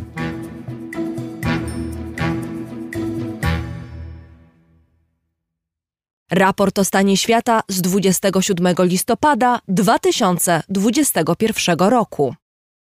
Polscy naukowcy z Instytutu Geofizyki Polskiej Akademii Nauk są w drodze na Antarktydę.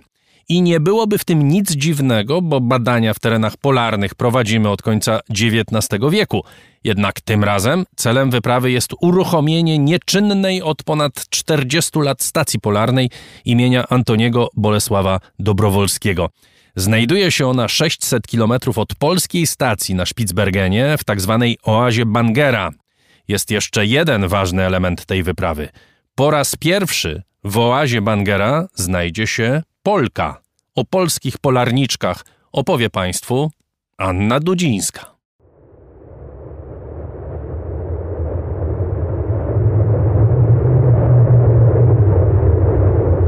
Ta opowieść ma pięć bohaterek. Pierwszej poświęcimy najwięcej uwagi. Profesor Monika Kusiak już za kilka tygodni znajdzie się w miejscu, w którym nie stanęła żadna Polka. W tym miejscu Antarktydy, w oazie Bangera, było na pewno mniej ludzi niż na K2 czy na Monteverest. Na dokładnie przeciwnym krańcu Ziemi, tam gdzie dzisiaj noc, a nie dzień polarny, badania prowadzi Aleksandra Smyrak-Sikora. Obecnie za oknem mamy burzę śnieżną, mamy sztorm, wiatr z prędkością dochodzącą do 20 metrów na sekundę. Jest całkiem zimno i mamy też noc polarną, już prawie miesiąc. Ostatni wschód-zachód słońca na Svalbardzie był pod koniec października. Dagmara Bożek, autorka właśnie wydanej książki Polarniczki, jest przekonana, że obie badaczki, jedna płynąca na Antarktydę i druga pracująca na Arktyce, mają szczęście trafiły we właściwy czas. Kobiety przez długi czas nie uczestniczyły w wyprawach polarnych, ponieważ to był taki obszar zarezerwowany jedynie dla mężczyzn. Mówiono, że są za słabe fizycznie, za słabe psychicznie, żeby znosić trudy długiej podróży, zimowań. Są więc polarniczki, jest też Antarktyda i Arktyka, obie rodzaju żeńskiego. Obu od dawna przyglądają się polscy naukowcy. Nad nieskończoną płaszczyzną Antarktydy Pierwszy wschód słońca po wielu miesiącach nieprzerwanej polarnej nocy. Wiatr całymi tygodniami wieje z szybkością huraganu. Nieosiągalne miejsca na kuli ziemskiej, obszary skute lodem po horyzont, zawsze nęciły człowieka, przyciągały zdobywców, pionierów, a potem naukowców. Badania naukowe w Międzynarodowym Roku Geofizycznym znacznie poszerzyły ludzką wiedzę o Antarktydzie. Zanim się wybierzemy na sąsiednie planety, musimy dobrze poznać własne podwórko. Operatorzy polskiej kroniki filmowej pokazywali obszary skute lodem przy wielu okazjach. Profesor Monika Kusiak też filmowała już w tych skrajnie trudnych warunkach atmosferycznych. Zanim kontenery spakowane przez czteroosobową wyprawę Polskiej Akademii Nauk znalazły się na rosyjskim lodołamaczu Akademik Fedorow, pani profesor zdążyła mi jeszcze pokazać zdjęcia z poprzednich wypraw. I zobacz, to jest filmik, który nagrałam 10 lat temu telefonikiem wiatr Czekaj. Jak to zrobić? Czekaj. Play. To wiesz, widać po prostu jak ten wiatr nas przewraca. To jest Ania, to jest taki chłopak i ona nie była w stanie w ogóle, wiesz, iść i się ruszyć dalej do przodu, bo po prostu tak było bardzo wiecznie. Wiatru na Antarktydzie uniknąć się nie da. I to właśnie jego, a nie temperatury obawiają się członkowie polskiej ekspedycji. Dokładnie tak samo jak ponad 120 lat temu, tłumaczy Dagmara Bożek. Zaczęło się od pierwszej belgijskiej wyprawy antarktycznej organizowanej przez Adriana de Gerlache, oficera belgijskiej marynarki, który szukał ochotników na wyprawę do Antarktyki. Były plany naukowe, były plany oczywiście związane z eksploracją i tak się złożyło, że od samego początku wyprawy Henryk Arctowski, wówczas młody dwudziestoparoletni naukowiec, uczestniczył w tych przygotowaniach i on właściwie na statek Belgiki wciągnął do składu wyprawy Antoniego Bolesława Dobrowolskiego, który miał początkowo pracować jako marynarz, później wykonywał też pomiary meteorologiczne.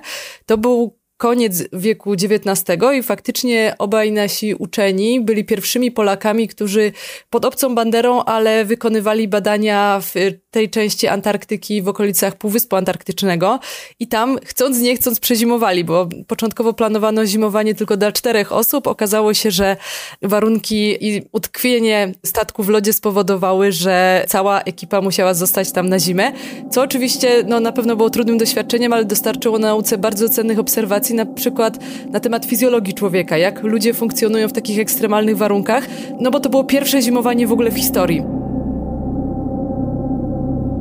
Takie były początki. Stacja znanego nam już dzisiaj Antoniego Bogdana Dobrowolskiego, do której zmierza polska ekspedycja, znajduje się na stałym lądzie. Stacja Arctowskiego na wyspie Króla Jerzego. Nazwiska obu badaczy upamiętniono w ten sposób. W Arctowskim pracowała już niezliczona liczba naukowców. Stacja jest właśnie remontowana, będzie nowoczesna i umożliwi przeprowadzenie jeszcze większej liczby badań. Dwa budynki stacji Dobrowolskiego są opuszczone i wyglądają bardziej jak scenografia filmów katastroficznych. Monika pokazuje kolejne zdjęcia. Wiemy, że są te dwa budynki. Jeden Warszawa, drugi Kraków, bardzo pięknie się nazywają. Budynki te były stawiane przez Rosjan w latach 50. z brzozy syberyjskiej, która okazała się podobno bardzo mówię podobno, bo to, czy rzeczywiście okazała się, do tego wrócimy za pół roku. Natomiast y, jest bardzo odporna na te warunki takie surowe. To są nasze domki, dwa. Budynek pierwszy, budynek drugi. Tak to wygląda. Tu mapa jednego z tych budynków. To jest to, co zostaniemy. To jest nasz Mars. tak wyglądało w 2018 wnętrze jednego z tych pomieszczeń. Także tu jakiś fragment widzisz kuchni pieca. My mamy kuchenkę, nawet taką kuchenkę indukcyjną, gary i różne takie rzeczy bierzemy. To jest ekstremum, o którym też ludzie nie myślą. Wszystkie fotografie drewnianych budynków wykonali Australijczycy. Pozornie oba nadają się do remontu, ale ekipa naukowców ma ze sobą również namioty. Skrajnie trudne warunki, w których naukowcy będą pracować przez 7 tygodni. Dlaczego Polacy decydują się na powrót do stacji, nie aż tak bardzo odległej od wygodniejszej i dostępnej stacji Arctowskiego? Antarktyda jest kontynentem podzielonym przez góry transantarktyczne na Antarktydę wschodnią i zachodnią. To są oficjalne nazwy. Mniej więcej to również odpowiada nie całkiem dokładnie, ale również półkulom ziemskim, wschodniej i zachodniej. Tak więc z naszej perspektywy, gdyby stanąć na biegunie południowym, stację Arctowskiego mamy na zachodzie, a stację Dobrowolskiego na wschodzie, na kontynencie. Więc jesteśmy w tej chwili na kontynencie, również z punktu widzenia geologii, no jestem geologiem, więc nie mogę o tym nie powiedzieć, znajdują się tam znacznie starsze skały, więc geologicznie jest to zupełnie inna część Antarktydy niż ta zachodnia. To miejsce, w które jedziemy, to jest prawdopodobnie największy fragment oazy na Antarktydzie. Oazy, czyli fragmentu bez lodu, ponad 1000 km2 bez lodu. W tym miejscu, oprócz tego, że nie ma śniegu, jest kolejna bardzo ciekawa rzecz, że są jeziora słodkowodne. Także zupełnie inna biologia niż byśmy oczekiwali na Antarktydzie. Jeszcze inaczej jest na północy. Z Arktyką swoje życie i pracę 10 lat temu związała Aleksandra Smyrak-Sikora. Pracuje w The University Center of Svalbard, na którym bada skutki zmian klimatu. Ja jestem geologiem, także ja zajmuję się głównie badaniem przeszłości Ziemi. I najwięcej czasu, ale nie tylko, spędziłam badając taką geologię Svalbardu, która dotyczy przeszłości naszej planety, datowanej mniej więcej na 360 do 300 milionów lat temu.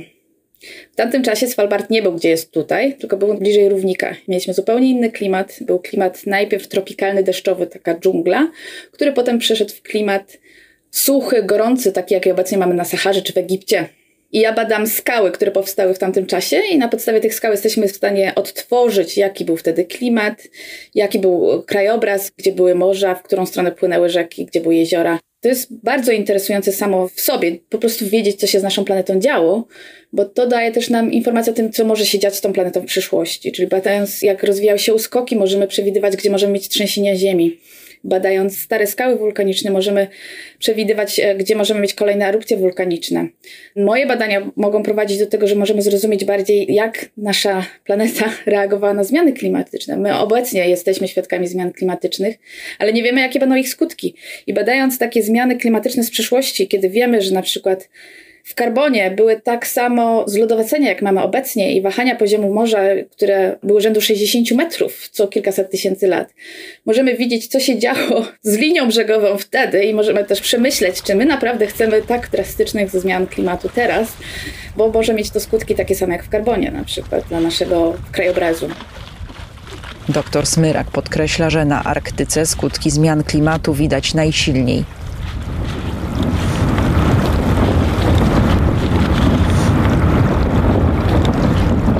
Tak jak tu, kiedy odrywają się kawałki lodu.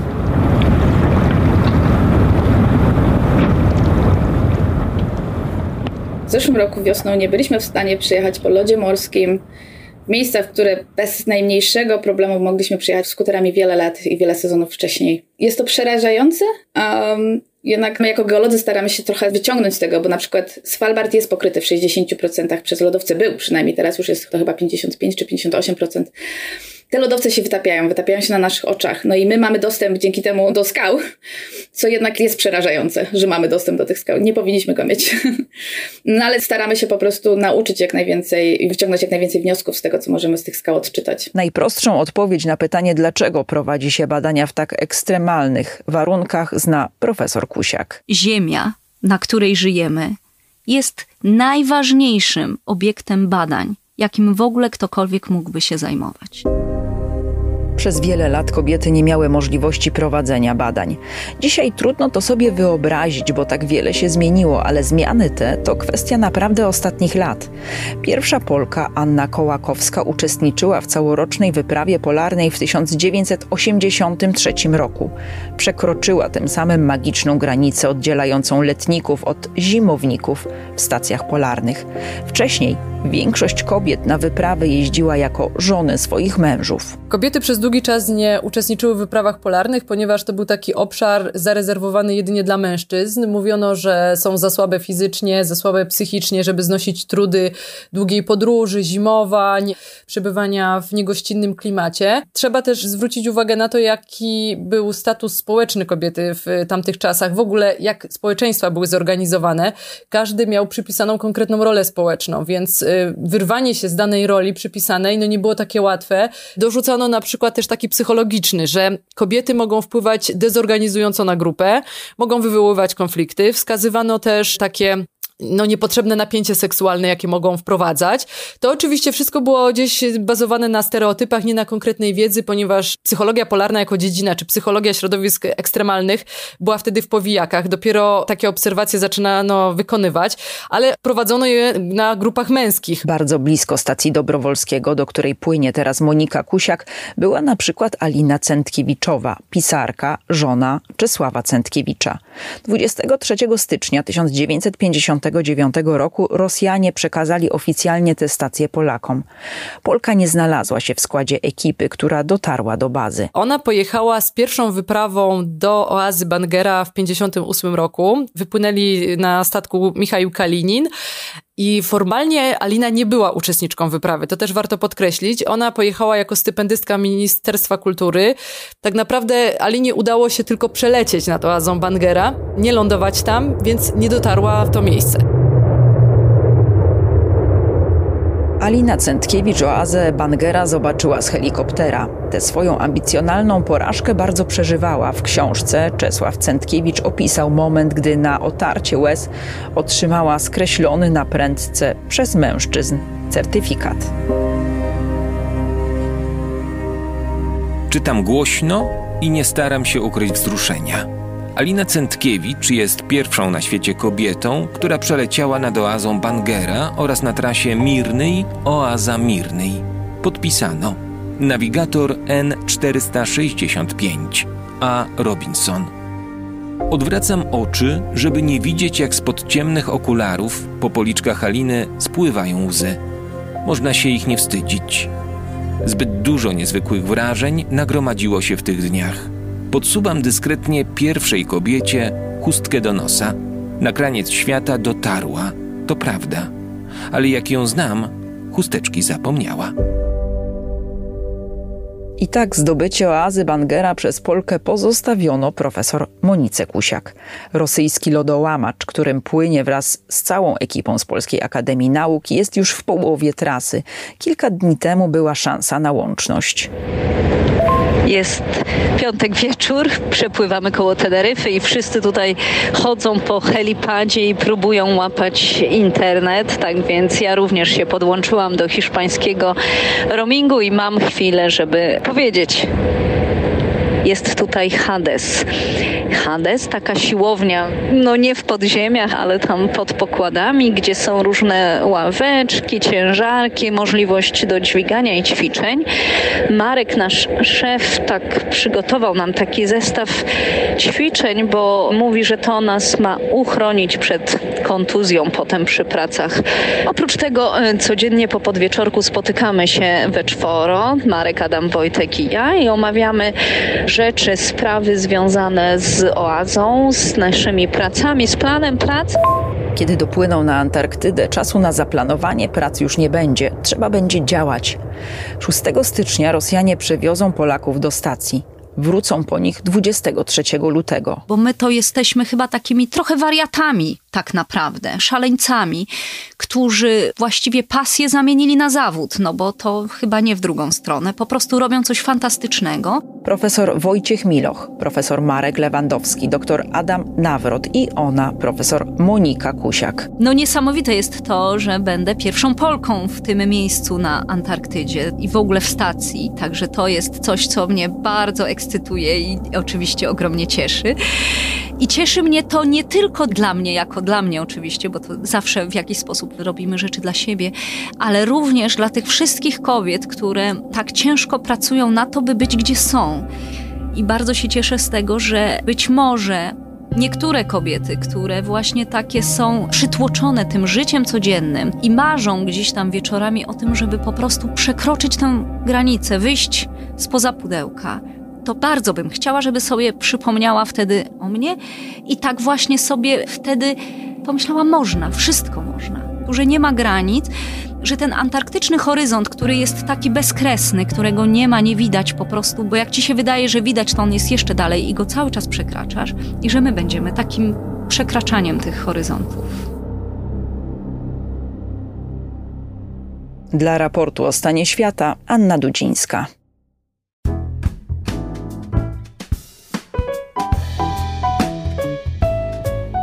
Raport o stanie świata 2021. Wszystko co najlepsze. Raport o stanie świata z 23 stycznia 2021 roku.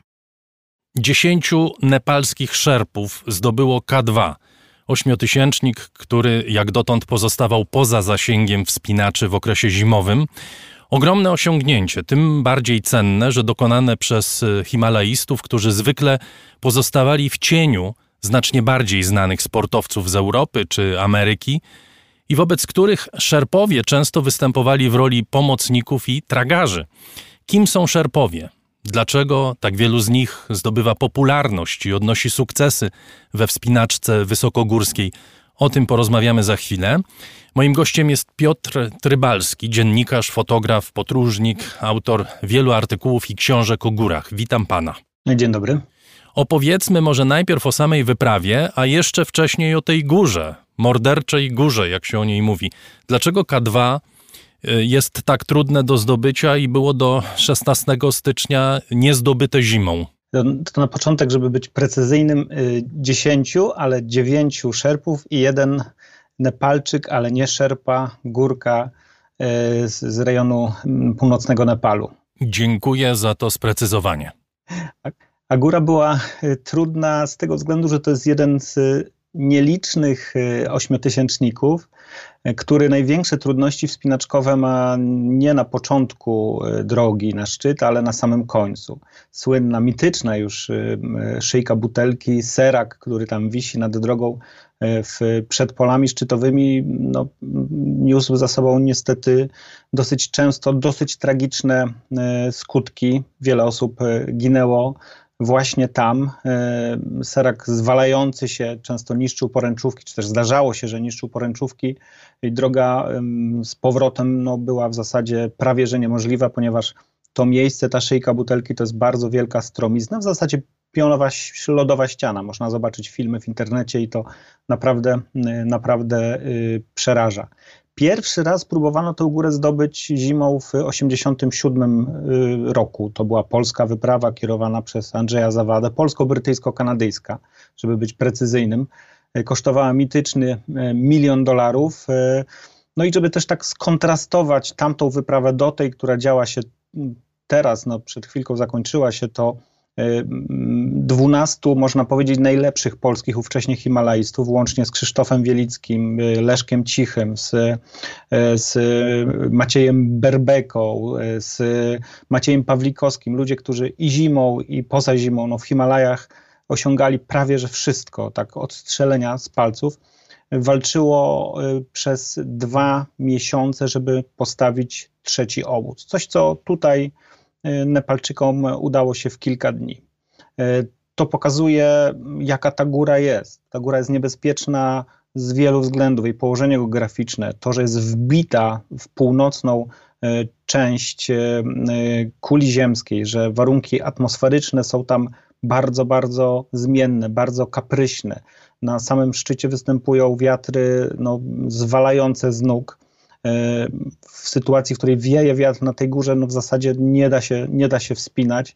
A akurat polska wyprawa z tamtych czasów dotknęła no chyba jednej z najgorszych warunków pogodowych, jakie można sobie wyobrazić, bo na, już nie pamiętam precyzyjnie, ale jakieś 60 dni wyprawy było tylko 14 dni, kiedy nie było burz cała reszta to były po prostu wichury i burze, które niszczyły wszystko. Te kolejne wyprawy, y, one dochodziły trochę wyżej, trochę niżej. Między innymi wyprawa z 2002-2003 roku, y, też z Krzysztofem Wielickim, dotarła na 7650 metrów. To jest najwyżej, zanim teraz dotarli y, Szerbowie, czy do 16 stycznia to był najwyżej osiągnięty punkt na tej górze? Czy dochodzili ludzie wyżej?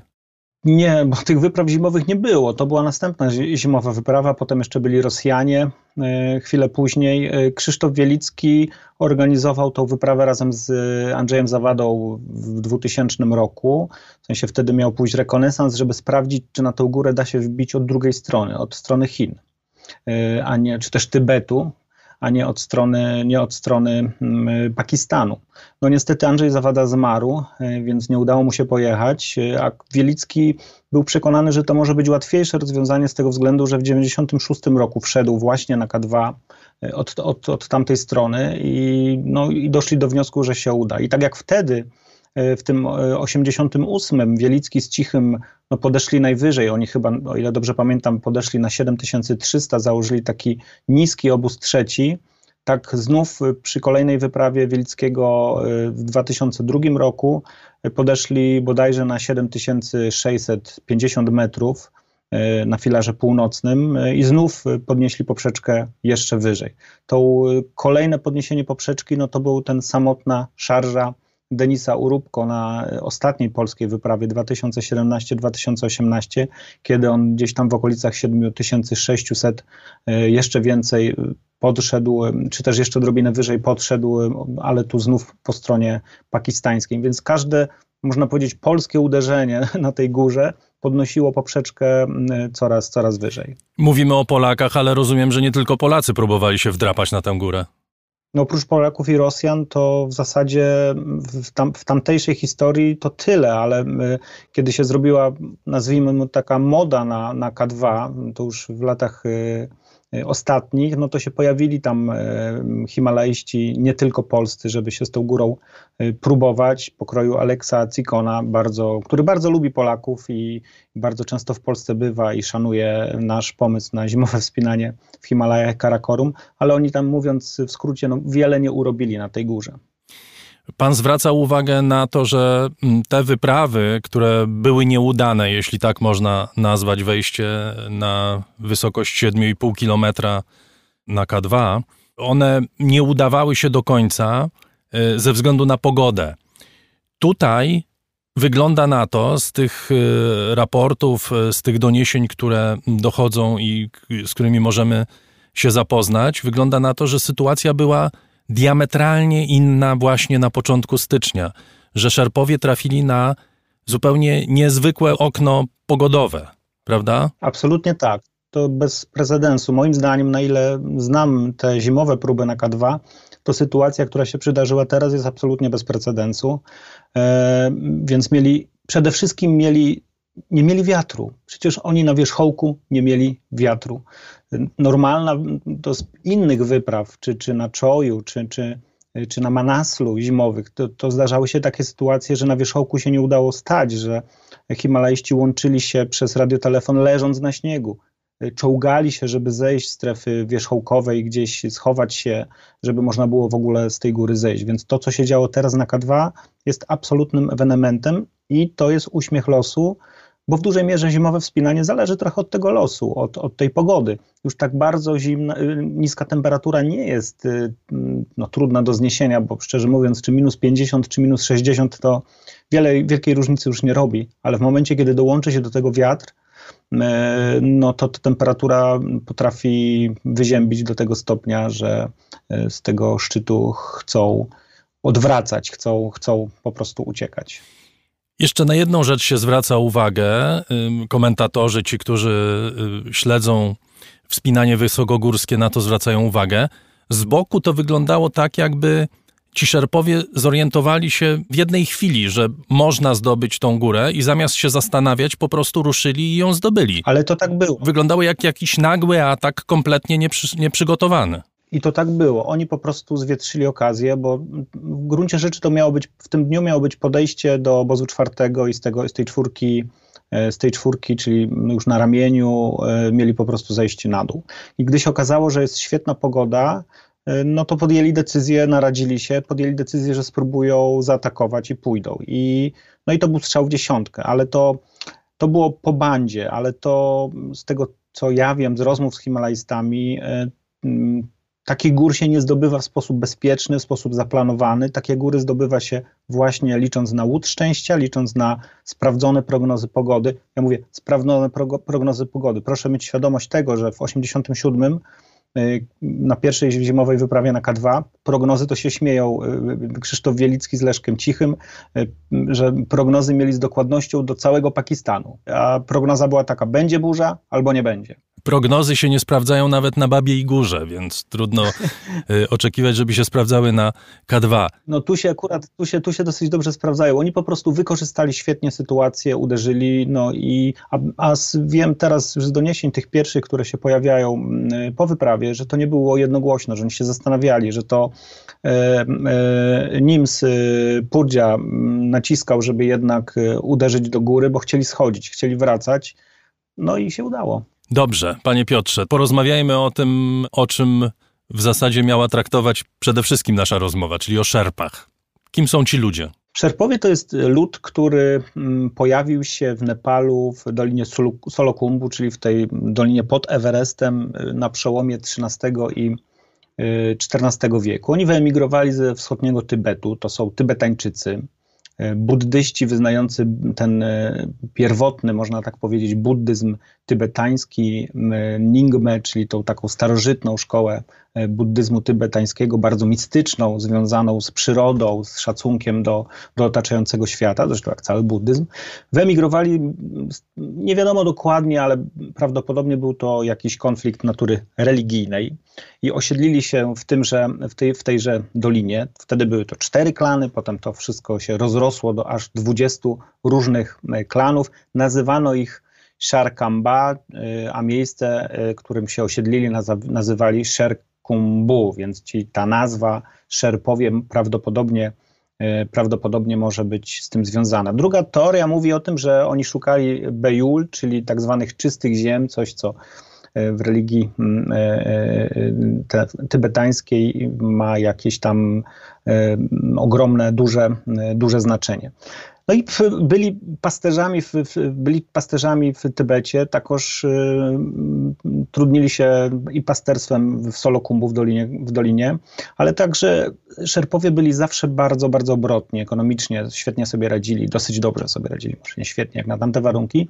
No i zajmowali się handlem, handlowali z Tybetem, czyli chodzili do Tybetu z towarami przez przełęcze, wracali z towarami, zanosili towary, te, które w Nepalu, czyli głównie spożywcze, które da się produkować i, i tym, się, tym się zajmowali. I, I tak to wszystko trwało, można powiedzieć, do końca XIX e, wieku, kiedy okazało się, że no, sytuacja ekonomiczna się pogarsza, e, ale to przypadł e, wtedy czas na wielkie wyprawy odkrywcze w górach najwyższych. No, głównie mam na myśli tutaj Brytyjczyków, którzy panoszyli się w Indiach, takoż w ramach dobrej współpracy z Tybetem panoszyli się w Tybecie. E, no i słuch poszedł był, że w Darjeelingu, gdzie była taka powiedzmy główna siedziba tych, którzy e, w góry najwyższe się wybierali po to, żeby eksplorować, mierzyć, e, poznawać, no bo to były wyprawy te pierwotne, takie eksploracyjne, że w Darjeelingu po prostu zatrudnia się ludzi do pomocy przy wyprawach. To głównie Tybetańczycy z tymi wyprawami chodzili jako tragarze, jako zwykli tragarze którzy po prostu noszą sprzęt, jak wszędzie, we wszystkich kolonialnych krajach na całym świecie. E, no, efekt tego był taki, że mm, Szerpowie mm, bardzo szybko wyparli, można powiedzieć, Tybetańczyków e, z tej pracy, przejęli troszeczkę ten biznes, e, no i zaczęli po prostu razem z Brytyjczykami, a nie tylko z Brytyjczykami, bo też później ze Szwajcarami i Niemcami na te, na te wyprawy chodzić jako zwykli tragarze tak to się zaczęło. Przedstawia pan taką wersję, która być może jest y, troszkę mniej, że tak powiem, sentymentalna i trochę bardziej realistyczna, bo my jesteśmy przyzwyczajeni do y, traktowania szerpów jako takich ludzi, którzy byli traktowani jak służący, jak pomagacze, jakoś tam wykorzystywani jednak przez tych białych sportowców, białych wspinaczy. Pan sugeruje, że to jest raczej po prostu wymiana usług, że to są po prostu sprawni biznesmeni, którzy zwietrzyli okazję i dzięki temu wyparli innych i weszli na pewną, w pewną niszę rynkową, która się pojawiła zwłaszcza od lat 30., 40., kiedy biali zaczęli wchodzić najpierw eksploracyjnie, a potem sportowo na góry. No właśnie to chciałbym zaznaczyć, że to była na początku eksploracja i ci y, Nepalczycy, ci Szerpowie uczestniczyli w tej eksploracji. Rzeczywiście, ja nie wiem, czy to był taki cynizm ekonomiczny, bo bardziej mm, wydaje mi się wiarygodna wersja taka, że po prostu jechali za pracą, tak jak teraz się migruje, prawda, do innych krajów, żeby po prostu zarobić pieniądze. Takoż pojawili się w Darjeelingu, żeby zarobić e, pieniądze.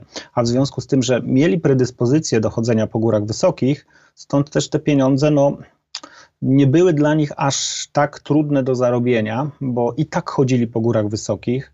Może nie wchodzili na szczyty, bo to nie było w ich, e, nie mieli w głowie w ogóle chodzenia mm, po górach. No to, to jest wymysł białego człowieka, wbijać się na szczyty. Mam wrażenie, chyba że jest to e, posiłkowane jakimiś względami religijnymi gdzieś, jak w Andach chociażby.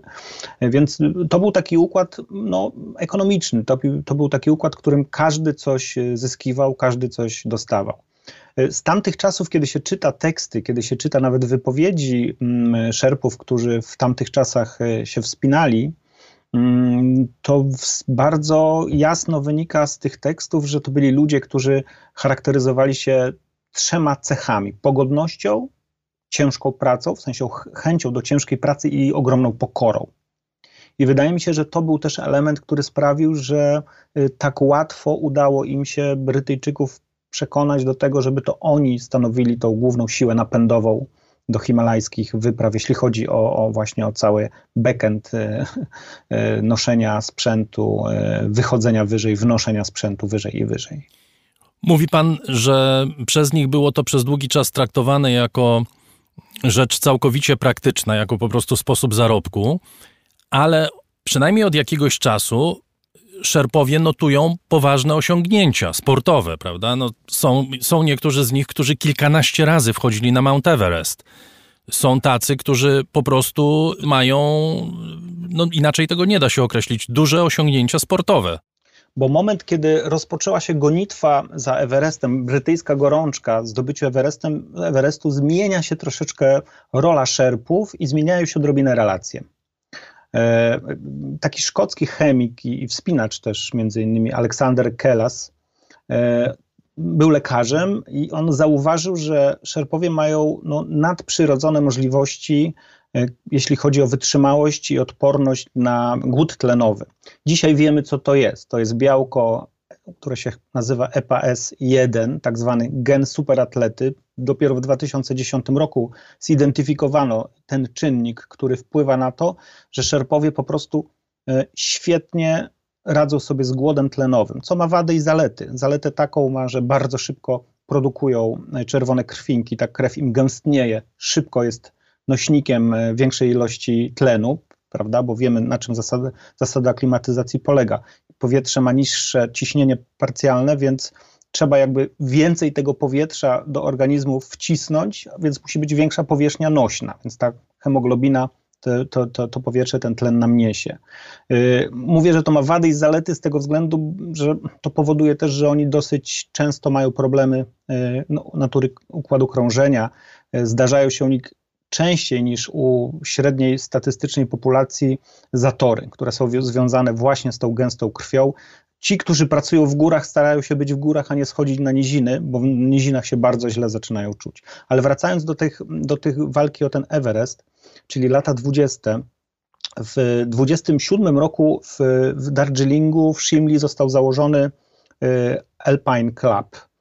To była taka mm, organizacja, która miała uregulować e, rolę szerpów, e, tragarzy. Stworzono im specjalne książeczki, w którym były wpisywane, ile dostają pieniędzy, jaką mają pozycję. Stworzyła się hierarchia, czyli tacy, którzy noszą w czasie karawany, tacy, którzy pracują w bazie, czyli jacyś kucharze i tak dalej, tacy, którzy wychodzą wyżej, czyli już tacy bardziej doświadczeni, no i tacy, którzy idą z y, ówczesnymi Himalajstami, idą na szczyty. Więc próbowano, próbowano, to, y, to, próbowano to y, regulować. Mało tego, zaczęto wręczać szerpom tak zwane mm, medale tygrysów. E, nazwano ich po prostu tygrysami Himalajów i za e, jakieś tam e, wielkie osiągnięcia. No pierwszy, pierwszy taki medal w 1939 został, został, został wręczony, więc te relacje zaczęły być jakoś tak, mam wrażenie, y, y, normalizowane. No i pojawili się szerpowie, którzy mm, no, zaczęli coś więcej znaczyć niż li tylko tragarze i zwykli po prostu noszący, noszący bagaż czy pomagający białym. Y, Ang Tarkaj jest uznawany za takiego ojca tych szerpów, który, których my dzisiaj znamy, których właśnie oglądaliśmy na K2, czyli tych twardych, wyjątkowych, którzy świetnie sobie radzą, którzy po prostu mają e, takie same umiejętności, bądź nie gorsze umiejętności niż, niż mm, Himalaiści spoza, e, spoza Nepalu. Zresztą Angtar Kai był e, kimś, kto wprowadził ten Zinga Norgaya w świat Himalajów i on był takim jego, powiedzmy, ojcem chrzestnym, któremu pomógł mu, mm, pomógłby mu y, dostać pracę, bo, bo Norgaj był dokładnie w tej samej sytuacji, mieszkał nad y, y, Namche Bazar, i, czyli w Solokumbu, w Dolinie Kumbu pod Everestem i wyjechał do Darjeelingu szukać pracy, szukać pieniędzy, bo źle mu się powodziło. Tenzing Norgay, czyli ten szerpa, który razem z Edmundem Hillarym zdobył Mount Everest po raz pierwszy. Właśnie i tu jest taka mała anegdota, bo całkiem niedawno okazało się, że Tenzing Norgay nie był szerpą. Aha. On jakby pochodził z, rejon, z innego rejonu e, Tybetu. Rzeczywiście wprowadził się. W każdym razie do historii przeszedł jako szerpa. Tak, jako najsłynniejszy. On szerpą nie był. Nie chcę tutaj przedłużać, ale to jest świetna historia, w której on też tłumaczy, dlaczego musiał troszeczkę udawać szerpę, żeby po prostu tą pracę dostać, żeby mógł, mógł, mógł e, działać. E, w, a Mówię, wrócę jeszcze do tego Angtarkaja, e, który uczestniczył w wielu wyprawach e, tych na Everest, które organizowali Brytyjczycy, bo oni kilka razy próbowali Everest podejść, zdobyć. E, Eric Shimpton, taki można powiedzieć motor napędowy brytyjskiej walki o Everest, powiedział o nim kiedyś coś takiego, że to jest najlepszy z wszystkich szerpów, jakich, jakich, jakich znam. Najbardziej kochana osoba, skromna, niesamolubna i całkowicie szczera. W 1950 roku Angtarkaj pojechał na wyprawę na e, Anapurnę. To jest pierwszy ośmiotysięcznik, który został zdobyty przez człowieka. E, przez Maurica, Maurice Herzog e, był na szczycie. I proszę sobie wyobrazić, że mm, na czwartym, jakby powyżej czwartego obozu, będąc przed szczytem samym, Angtarkaj mówi do hercoga, że on się wycofuje. Powiedział mu coś takiego, że dziękuję ci bardzo, Bara Sahib. Bara Sahib znaczy y, wielki pan, to najczęściej liderów y, wypraw w ten sposób szerpowie zwracali się. No takim teraz Bara Sahib największym w Nepalu jest oczywiście Edmund Hillary, za to, co zrobił dla Nepalu, bardziej niż za to, że wszedł na Everest jako pierwszy. No więc powiedział, dziękuję ci y, Bara Sahib, ale moje stopy zaczynają marznąć i wolę zejść do obozu czwartego. I wykazał się niesamowitym przeczuciem, niesamowitą y, wiedzą, bo y, wrócił do tego obozu czwartego i zostały mu palce. No niestety Herzog i jego partner tych palców nieco, nieco, nieco stracili. Panie Piotrze, yy, chciałbym, żebyśmy na koniec poruszyli temat, który wydaje się, że jest centralnym tematem tej wyprawy, przynajmniej w polskich mediach. My, my go wsadzamy na koniec, no ale nie pomijajmy go kompletnie. To znaczy polemika wokół tego wejścia. Yy, wchodzili z tlenem. Co to znaczy, że wchodzili z tlenem? Czy to jest wejście naprawdę zimowe? Kiedy można mówić o wejściach zimowych? Co w ogóle te polemiki pokazują i jak się do tych problemów, które poruszają niektórzy polscy wspinacze czy komentatorzy, jak się do tego odnieść? Mają ludzie, którzy kibicują przecież wszystkim, również Polakom przecież, którzy próbują wejść na najwyższe góry świata, ale mają czasami takie wrażenie, że y, to są polemiki, które niespecjalnie wiele posuwają naprzód, natomiast bardziej wynikają z, nie wiem, z żalu czy z jakiegoś rozgoryczenia to na początku musielibyśmy sobie krótko zdefiniować pewne rzeczy. Co no to właśnie. jest y, zima w Himalajach? Bo o to też... Bo to też y, chyba nie jest do końca jasne, co to jest zima. Znaczy nie, no jasne.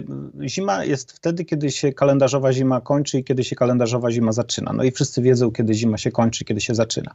Ale wśród purystów wspinaczki zimowej. Zima oznacza czas od początku zimy do końca, czyli od tam 23, e, drugiego, w zależności chyba od roku, e, grudnia do końca lutego. I rzeczywiście w styczniu i w lutym są najtrudniejsze warunki. Zaczyna po prostu bardzo, bardzo wiać w Himalajach. I to jest taka esencja zimy. W zasadzie wszystkie polskie wejścia, te pierwsze polskie wejścia do 2000 roku, czyli ich tam było, już nawet, przepraszam, ale nie pamiętam, czy to było 9 czy 10, y, zostały, czy 8, zostały zrealizowane w takiej pełnej zimie himalajskiej. Była też taka zasada, Andrzej Zawada bardzo ją przestrzegał, żeby y, baza została założona dopiero w zimie, czyli po tym 22 grudnia, nie 1 grudnia, nie w listopadzie. E, I to jest, i to jest jakby czystość, żeby po prostu rozpoczęła się praca w górze ponad bazą zimą i zimą się zakończyła. W marcu już jest cieplej, w marcu już y, jest pogodniej, mm, więc y, pogoda jest ładniejsza. Więc to jest kwestia zimy. Jeśli chodzi o kwestię tlenu, sytuacja wygląda tak, że y, no pierwsze wejścia eksploracja cała, y, może nie cała, ale, ale później, kiedy okazało się, że jest głód tlenowy i trzeba sobie jakoś z tym poradzić i wymyślono te urządzenia, z, y, no, które pomagają oddychać, butle i te cały, ten cały anturaż, maski i tak dalej, no, po prostu wchodzono z tlenem, bo człowiek nie wierzył, że da się przeżyć. Zresztą to... Hillary i Norgay wchodzili z tak, tlenem, tak, tak. prawda?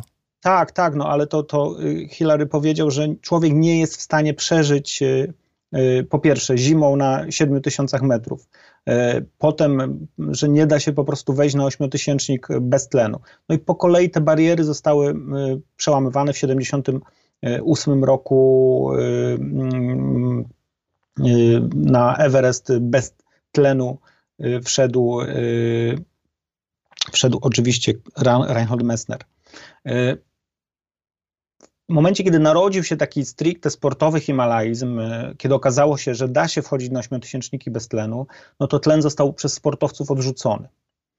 Często był tlen jako tlen ratunkowy.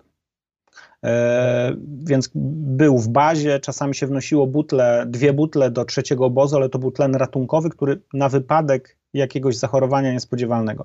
E, brak tlenu oznacza to, że wspinacze muszą przejść proces aklimatyzacyjny, tak a nie inaczej, czyli muszą wychodzić wyżej, wracać, muszą spędzić te symboliczne dwie noce w trzecim obozie najczęściej, czyli gdzieś tam w tej okolicach tych 7 tysięcy iluś metrów, żeby próbować uderzać na, na ośmiotysięcznik, żeby po prostu ta hemoglobina wyprodukowała e, odpowiednio dużo. Więc w sporcie, można powiedzieć tak, w sporcie w górach wysokich nie ma tlenu. Tyle, że y, do, do dzisiaj, do teraz, do tego wejścia obawiano się, że y, powietrze, ciśnienie powietrza na szczycie K2 w związku z tym, gdzie ten szczyt się znajduje, w związku z tym, jak ten jetstream go omiata, może być tak niskie, że po prostu z fizjologicznego punktu widzenia y, no nie powinno się, znaczy nie da się tam wejść bez tlenu, po prostu człowiek umrze. A czy my wiemy dokładnie, w jaki sposób y, szerpowie korzystali z tlenu w trakcie tej wy wyprawy? No bo to też nie jest tak przecież, że szli cały czas z butlą i każdy z nich był, miał maskę tlenową bez przerwy. Y, no, teoretycznie korzystali od trzeciego obozu bądź od czwartego obozu, czyli do ataku szczytowego.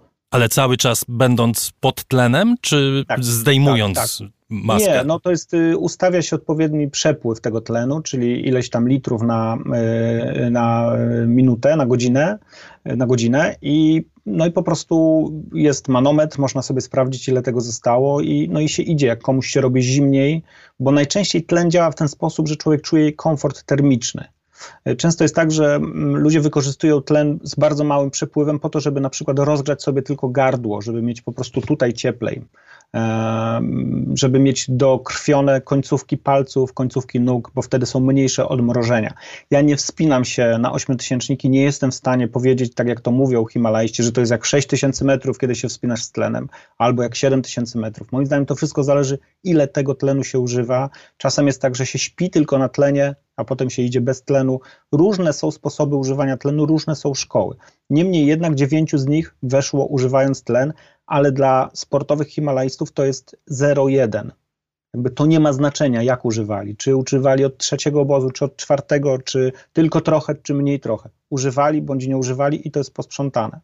Druga rzecz jeszcze jest taka, którą, na którą też zwraca się uwagę, że tlen, nawet jak się go nie używa, a ma się go ze sobą, no to jest element, który ma wpływ na podejmowanie decyzji. W sensie podejmuje się łatwiej ryzyko bo ma się ten backup w postaci tlenu. Zresztą samo używanie tlenu ma jeszcze inny aspekt, nie tyle co taki stricte fizjologiczny, chociaż to też jest z fizjologią związane.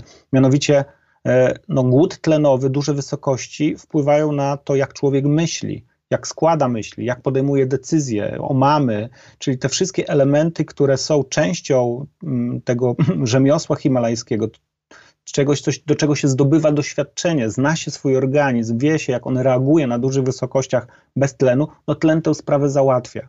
A kolejna rzecz jest taka, że to też sportowi wspinacze y, uznają, że wspinanie na tlenie jest bardzo niebezpieczne, ponieważ brak tlenu, w sensie tlen się skończy z jakiegoś powodu, załamanie pogody, musimy, musimy przeczekać, y, przecież zdarzały się nawet zimą noclegi na lekko, czasie zdobywania Daulagiri i Choju 80, między 84 a 85, o ile dobrze pamiętam, Kukuczka zaliczył przecież chyba z 4 czy 5 biwaków powyżej 8000 metrów na lekko.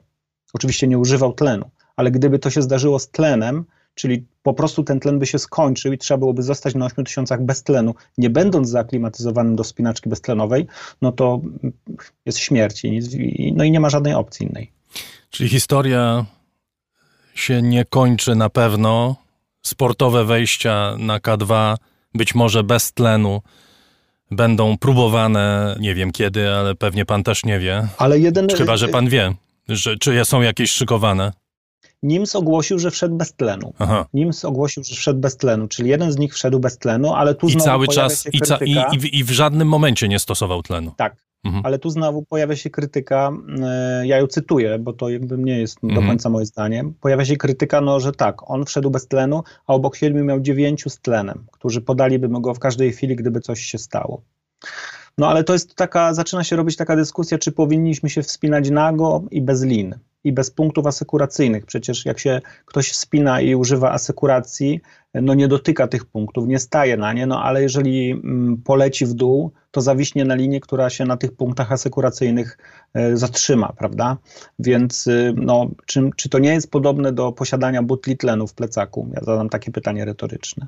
I na tym pytaniu skończymy. Dziękuję panu bardzo. Piotr Trybalski, dziennikarz, fotograf, podróżnik i autor wielu książek o górach. Był gościem raportu o stanie świata.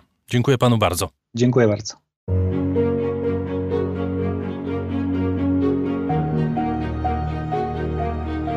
Raport o stanie świata 2021. Wszystko co najlepsze.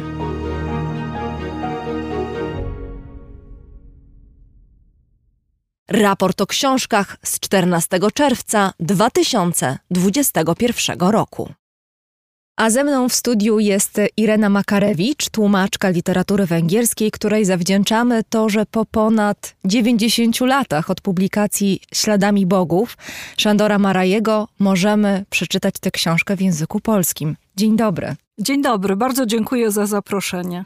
Wybrałam ten fragment o wielbłądach na początek naszej rozmowy, bo tak pomyślałam, że mówi o kilku bardzo ważnych rzeczach. Po pierwsze, mówi nam, kim jest autor, że to jest młody dziennikarz, który w sposób niezwykle intensywny, emocjonalny, charakterystyczny dla młodych, dwudziestokilkuletnich ludzi, odkrywa nowy, nieznany świat wschodu. E, ten młody człowiek nie wie jeszcze, że zostanie jednym z najbardziej znanych e, węgierskich pisarzy i to nie jest dla niego ważne. Dla niego ważne jest to, że po raz pierwszy w życiu widzi wielbłąda. Ale myślę, że ten fragment jest też ważny, bo mm, i charakterystyczny dla tej książki, bo on wyraża takie tęskne oczekiwanie Europejczyka wobec wschodu. Europejczyka oczywiście lat dwudziestych ubiegłego wieku, który pochodzi z Europy w kryzysie, Europy po I wojnie światowej i chce w ten wschód wierzyć. Chce wierzyć, że wschód go zainspiruje duchowo i intelektualnie. Czy Szandor Maroj właśnie po to pojechał w tę trzymiesięczną podróż na Bliski Wschód? Myślę, że przede wszystkim pojechał dlatego, że e, pasjonował się rzeczami nieznanymi, chciał się uczyć, poznawać, e, spotykać ludzi, e, nie tylko tych z pierwszych stron gazet, ale też po prostu zwykłych ludzi.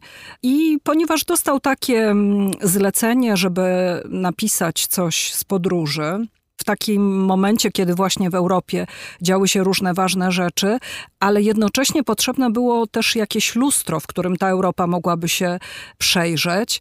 A trzecim takim ważnym elementem tej podróży to jest to, że on sam też był w pewnym kryzysie. Mhm. Tam są takie e, fragmenty, które wskazują na to, że no owszem, zdobył już jakąś pozycję dziennikarską, jest popularny, czytany, mm, publikowany w wielu krajach, w różnych językach, ale jakby jeszcze nie miał na siebie patentu, jeszcze nie do końca wiedział, e, czym jego życie ma, e, ma być. I ta podróż była z pewnością przełomowa. Poza tym, e, to jest też taki charakterystyczny rys u Szandora Marojego, że on miał zacięcie pedagogiczne, że Mhm. tak to nazwę. Po prostu uważał, że e, ludzie, którzy piszą, mają pewną misję. Ich praca nie polega tylko na zestawianiu ładnych fraz, opowieści, na zaciekawianiu ludzi, ale też na, na właśnie tej pracy pedagogicznej, żeby poprzez e, pewne przemyślenia, obserwacje, pytania, które stawia, odpowiedzi, które próbuje dać, e, żeby wznosić czytelnika na wyższy poziom.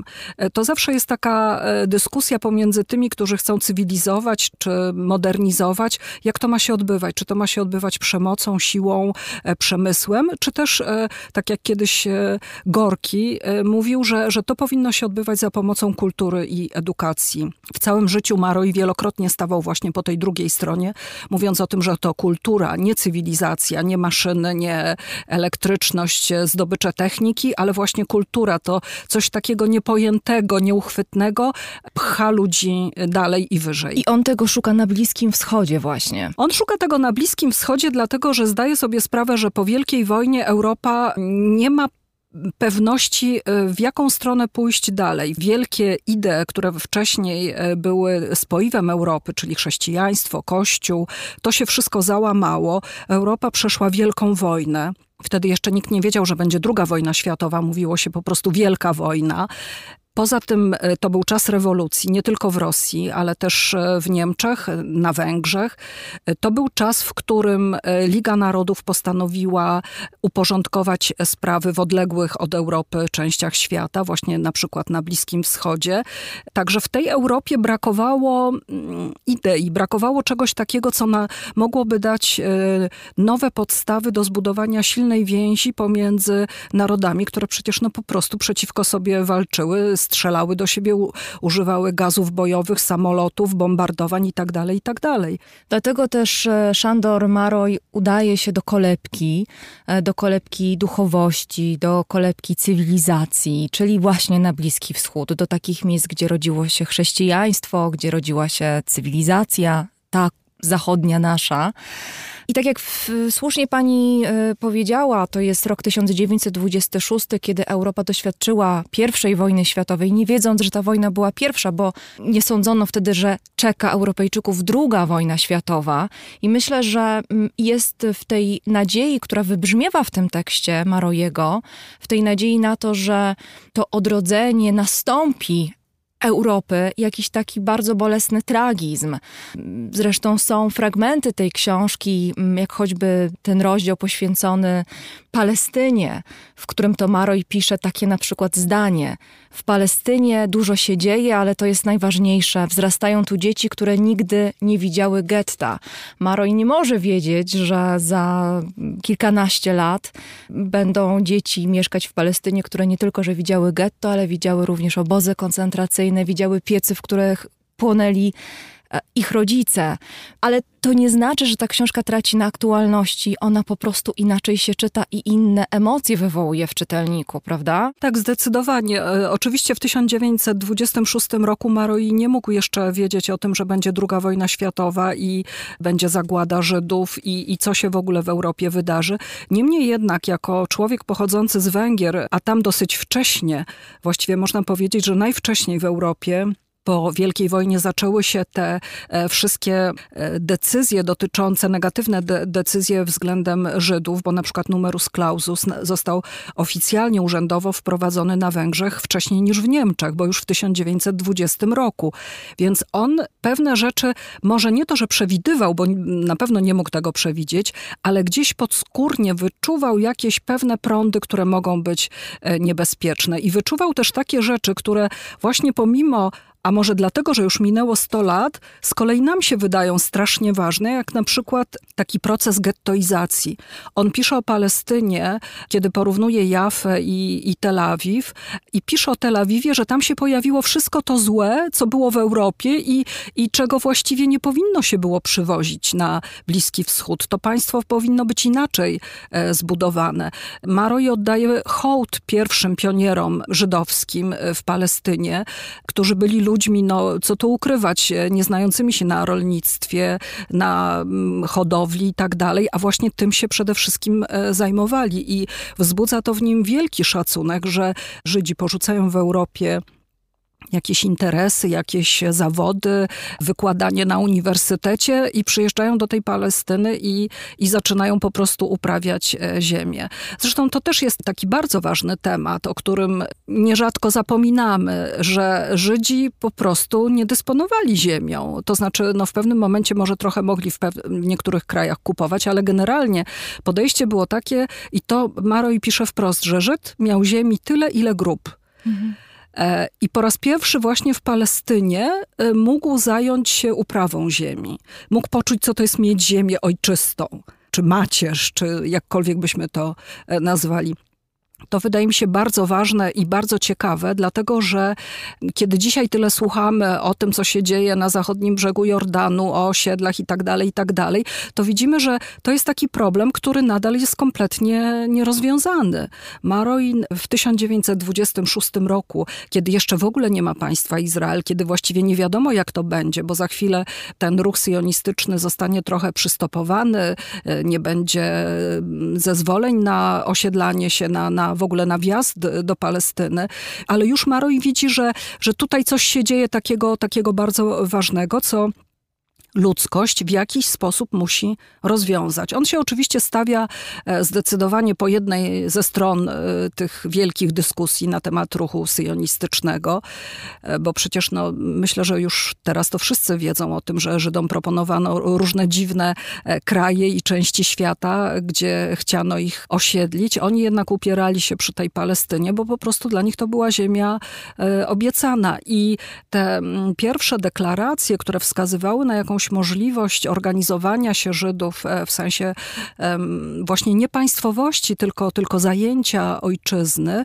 te pierwsze deklaracje były jednak dosyć e, enigmatyczne. Natomiast Maroj tutaj co pozwoliłam sobie podkreślić i e, w przypisie i w posłowiu, używa jednak określenia państwo żydowskie. Z wielkiej litery. Tak, tak. I ta wielka litera od razu jednoznacznie pokazuje, jaki on ma pogląd na ten temat, ale jednocześnie też e, pokazuje, że nie można tego robić wbrew innym e, ludom, narodom, które są wokoło. Wydaje mi się tutaj bardzo pacyfistycznie nastawiony i w sposób bardzo otwarty stara się pogodzić różne strony konfliktu. O tyle nieskutecznie, dzisiaj wiemy, nieskutecznie, że ten e, problem do dzisiaj nie, nie jest załatwiony. Ale myślę, że rzeczywiście Maroi jest e, takim niezwykle przenikliwym, a jednocześnie bardzo wrażliwym obserwatorem tego świata, do którego przyjechał. I chyba dzięki temu był w stanie w pewnym sensie nieświadomie pewne sceny nakreślić, mówię nieświadomie, no bo tak jak już podkreślałyśmy, w 26 roku nie mógł wiedzieć, co się wydarzy w 39.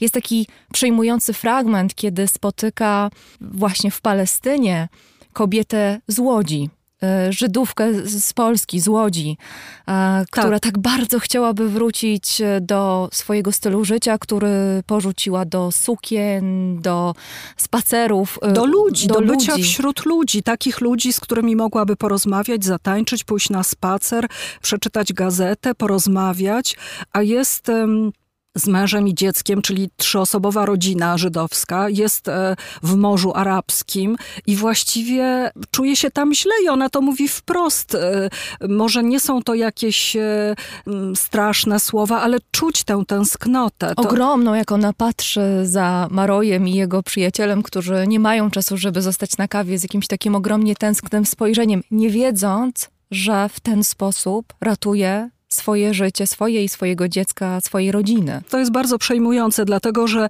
my dzisiaj z perspektywy już tych e, dziesiątków lat, my wiemy, jaki był dalszy los ludzi, którzy nie zdecydowali się na wyjazd do Palestyny. I dlatego, e, kiedy czytamy słowa pana mm, Dajka, który tam jest też wymieniony, że on właśnie mówi, ci Żydzi, którzy mogą pojechać do Palestyny, a nie jadą, robią źle. I to jest na samym początku, na statku, prawda? Tak. Następuje to spotkanie z panem Dajkiem właśnie, który zupełnie profetycznie mówi, dlaczego oni wszyscy nie wyjeżdżają. Ja myślę też, że y, to wszystko pokazuje, y, ta przenikliwość Maroja i to, jak ona się wpisuje w nasze myślenie dzisiaj, pokazuje, że wielka literatura jest takim żywym organizmem, który zmienia się, który nabiera zupełnie nowych, ważnych znaczeń z upływem czasu. Ta literatura nie pokrywa się kurzem, tylko wzbudza w nas zupełnie inne refleksje. No w tym wypadku pokazuje w taki bolesny sposób, w jak złym kierunku poszedł świat. Skupiamy się na Palestynie, ale ja też y, wzruszyłam się w kolejnych rozdziałach, kiedy Maroj pisze o Bagdadzie, nazywając Bagdad miastem ze snów. On y, uważa, tak. że to tak. jest miasto cudowne, niczym z baśni Tysiąca Jednej Nocy. No dzisiaj, w 2021 roku, Bagdad zupełnie inne skojarzenia wzbudza w nas, e, w ludziach. Tak, i tak samo jest z tym słynnym Damaszkiem, tak. E, wielkim marzeniem Marojego, bo, bo on e, wielokrotnie podkreśla, że to było marzenie jego życia, zobaczyć Damaszek. No i skończyło się jak skończyło, nie będę zdradzać, proszę przeczytać, ale, ale warto się zastanowić, czy koniecznie musimy spełniać sobie największe marzenia, bo bo, może się czasem okazać, że to marzenie, takie jakie ono jest, e, nigdy w zderzeniu z rzeczywistością, nigdy nie spełni e, naszych oczekiwań. W ogóle te fragmenty poświęcone Syrii, to jest właśnie to lustro, o którym mówiłam. Tam jest e, wiele fragmentów dotyczących zachowania się państw, które otrzymały od Ligi Narodów mandat. Tak jak wcześniej w Palestynie opisywał aktywność Brytyjczyków, w Syrii opisuje to, co robią Francuzi. No i jest to naprawdę straszne, dlatego że z kraju kwitnącego z Damaszku, który był siedzibą handlu międzynarodowego, ciągle czytamy o tych ogrodach. Maroi dojeżdża do Damaszku i ogrody, ogrody, ogrody. I właściwie można powiedzieć, że to wszystko zostało zmarnowane. Potem się to wszystko podniosło, a dzisiaj znowu widzimy to, co, co on przewidywał, że przyjdą jakieś czołgi, jakieś wojska, jakieś interesy. Ale rzeczywiście czytając e, śladami bogów e, i mając świadomość tej niezwykłej przenikliwości Szandora Marojego, trudno uwierzyć w to, że e, miał wówczas jedynie, podkreślmy to raz jeszcze, 26 lat. I rzeczywiście myślę, że też siła i piękno tej książki polega na zderzeniu z jednej strony takiej ogromnej dojrzałości intelektualnej autora, a jednocześnie takiego jego młodzieńczego entuzjazmu, tak. o którym on wie, o którym, którego ma świadomość. Tak, on jest e, bardzo często brawurowy, buńczuczny, krnąbrny, nie waha się e, wypowiedzieć opinii takich no nie, mm, niezwyczajnych. Ale on też jest wzruszony często. Tak, prawda? bardzo często często, e, e, bardzo często jest wzruszony, co wynika po prostu z jego, myślę, e, psychiki i takiego podejścia do życia, a i z tego, że on debiutował bardzo wcześnie, jako kilkunastoletni chłopak, debiutował e, poezją. I właściwie dopiero pod koniec lat dwudziestych zaczął pisać powieści, natomiast e, jako młody człowiek e, skupiał się na poezji i też no, oczywiście pisał, e, pisał do gazet, ale w tych wszystkich artykułach e, e, do gazet zawsze są jakieś takie, choćby małe linijki, ale jednak takiej lirycznej kontry, e, takiego pokazania, że świat to nie są tylko fakty, to nie są tylko jakieś e, wydarzenia, ale to jest też po prostu afekt, uczucie, emocje, e, coś takiego, co chwyta człowieka tak, ja za serce. Ja myślę, że rzeczywiście ten młodzieńczy entuzjazm nadaje jakiegoś takiego wdzięku temu tekstowi. Tak, prawda? ja muszę powiedzieć, że ja bardzo długo zabiegałam o wydanie tej książki, dlatego że e, no, kiedyś e, książki nie zajmujące się fikcją literacką nie były u nas tak popularne i dosyć trudno było przekonać, że akurat cały ten tom właśnie w całości ze wszystkimi tekstami. Trzeba koniecznie wydać. I długo zabiegałam, ale nie traciłam nadziei, dlatego że jeśli chodzi o Marojego, to utarły się jakieś takie mm, frazesy na jego temat, jakieś takie zbitki słowne, konserwatysta, a to miał uprzedzenia rasowe. No, jak ktoś przeczyta Śladami Bogów, to wręcz przeciwnie. Człowiek niezwykle empatyczny w stosunku tak. do i różnych ludzi, ale też, y, to tak może na marginesie, ale to też jest y, takie bardzo poruszające poruszające, jak on o zwierzętach pisze, z jaką czułością. Tak. Rzeczywiście, biorąc pod uwagę, że to Europejczyk w 26 roku no to ma postawę taką charakterystyczną dla dzisiejszej młodzieży. Tak, i proszę pamiętać, że kiedyś przecież nie było tylu y, możliwości y, rozrywek jak dzisiaj. E, właściwie mm, zabawianie się czy zabawy, no to tego nie było zbyt dużo. No był cyrk, zaczynało się kino, teatr, ale właśnie były ogrody zoologiczne, które cieszyły się wielką popularnością. Natomiast Maroi, i to też pisze tutaj na kartach śladami bogów, on jest absolutnie przeciwny. On uważa, że, trzymanie w klatce istoty, która czuje, bo tak określa zwierzęta i, i tak samo określa ludzi, że to jest y, po prostu niegodne. Też ten fragment z Egiptu, w którym on obserwuje Egipcjan, którzy są po prostu wykorzystywani do pracy niewolniczej i, i tak. on też jest tym bardzo poruszony. Tak, pisze o tych felachach e, w bardzo wzruszający sposób, ale też od razu punktuje i celuje i, i to jest właśnie e, charakterystyczne dla jego prozy, że on nie potrzebuje 50 e, stron elaboratu. On w jednym zdaniu uchwyci istotę rzeczy, że felach 5000 lat temu chodził z tym koszykiem i, i niósł na górę materiał do budowy e, piramid, a dzisiaj tak samo idzie w dół i też stoi ten nadzorca z batem i bije go, jeśli on e, e, idzie za wolno. Ale jeszcze wrócę do, do tej jego młodości. Otóż wydawało mi się bardzo ważne, żeby też próbować pokazać wielostronność Marojego i pokazać go z różnych okresów życia, bo My teraz jesteśmy już za pięciotomową edycją jego dziennika, dzieła życia Marojego w przepięknym tłumaczeniu Teresy Worowskiej. No i oczywiście życie zawsze się kończy śmiercią, a umieranie jest najgorszą rzeczą, jaka człowieka spotyka, bo to jest y, okres, w którym bardzo łatwo stracić godność. I wydawało mi się ważne, żeby nie pozostała taka, taki obraz Marojego jako starego, e, trochę grymaszącego albo wręcz zrzędzącego człowieka, żeby też e, pokazać go jako właśnie tego młodzieńca, otwartego na początku drogi życiowej, takiego, który po prostu porywa, czytelnika mm. i, i bierze nas pod rękę i prowadzi przez cały ten Bliski Wschód. E, I dlatego właśnie śladami bogów tutaj e, dobrze by było, żeby stało na półce obok dziennika. I myślę też, że to był taki okres twórczości bardzo bliski, bardzo ważny dla Maroja, o czym świadczy przedmowa z 1937 roku, którą Maroj napisał do drugiego węgierskiego wydania Śladami Bogów.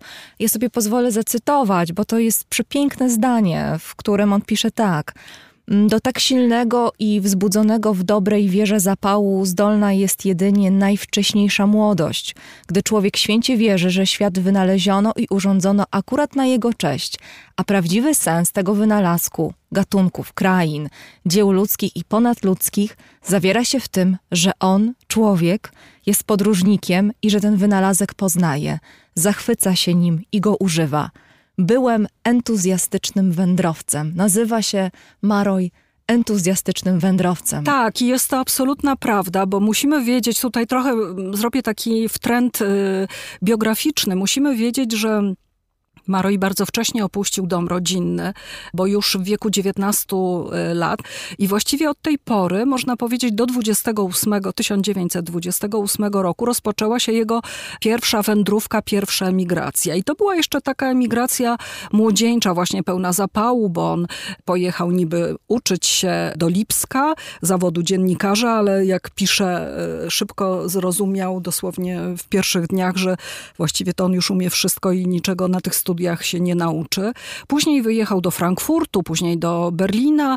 W 1923 roku przeniósł się do Paryża, gdzie spędził kolejne pięć lat i cały czas stykał się z bardzo ciekawymi ludźmi, którzy, jak wiemy, zwłaszcza historycy e, wiedzą to doskonale, napływali z różnych stron, dlatego że to był okres powojenny, e, rozpadały się imperia, tworzyły się nowe e, mocarstwa, wielu ludzi emigrowało i on cały czas obracał się wśród ludzi oczywiście z Europy Środkowo-Wschodniej, ale też wśród Rosjan, e, wśród ludzi e, z Azji, z Turcji, e, z Wielkiej Brytanii. I dlatego, jak się czyta mm, jego twórczość z tego okresu, to widać, że to jest człowiek, który miał szerokie horyzonty, ale też dlatego, że po prostu bardzo dużo widział.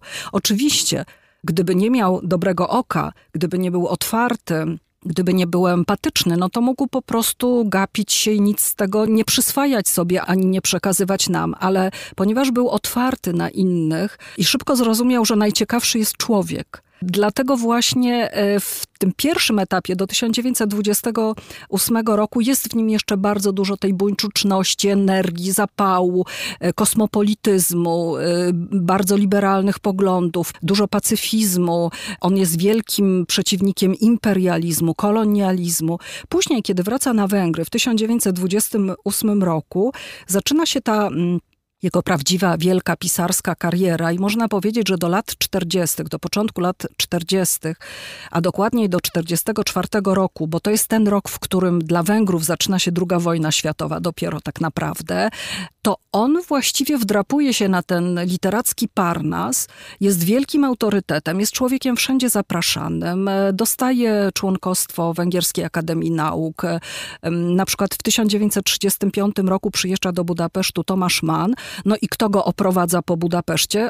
Szandor Maroj e, i tak dalej, i tak dalej. Więc, więc to jest taki okres świetności, ale też można powiedzieć, że pewnego takiego zesztywnienia. To czasem pojawia się w twórczości Marojego właśnie gdzieś około 40 roku życia. Są ci mężczyźni, którzy już e, bardziej przypominają swoich nawet nie ojców, a dziadków. Są jacyś tacy właśnie sztywni. E, coś musi się wydarzyć, żeby znowu odżyły w nich emocje. I to jest ten drugi okres.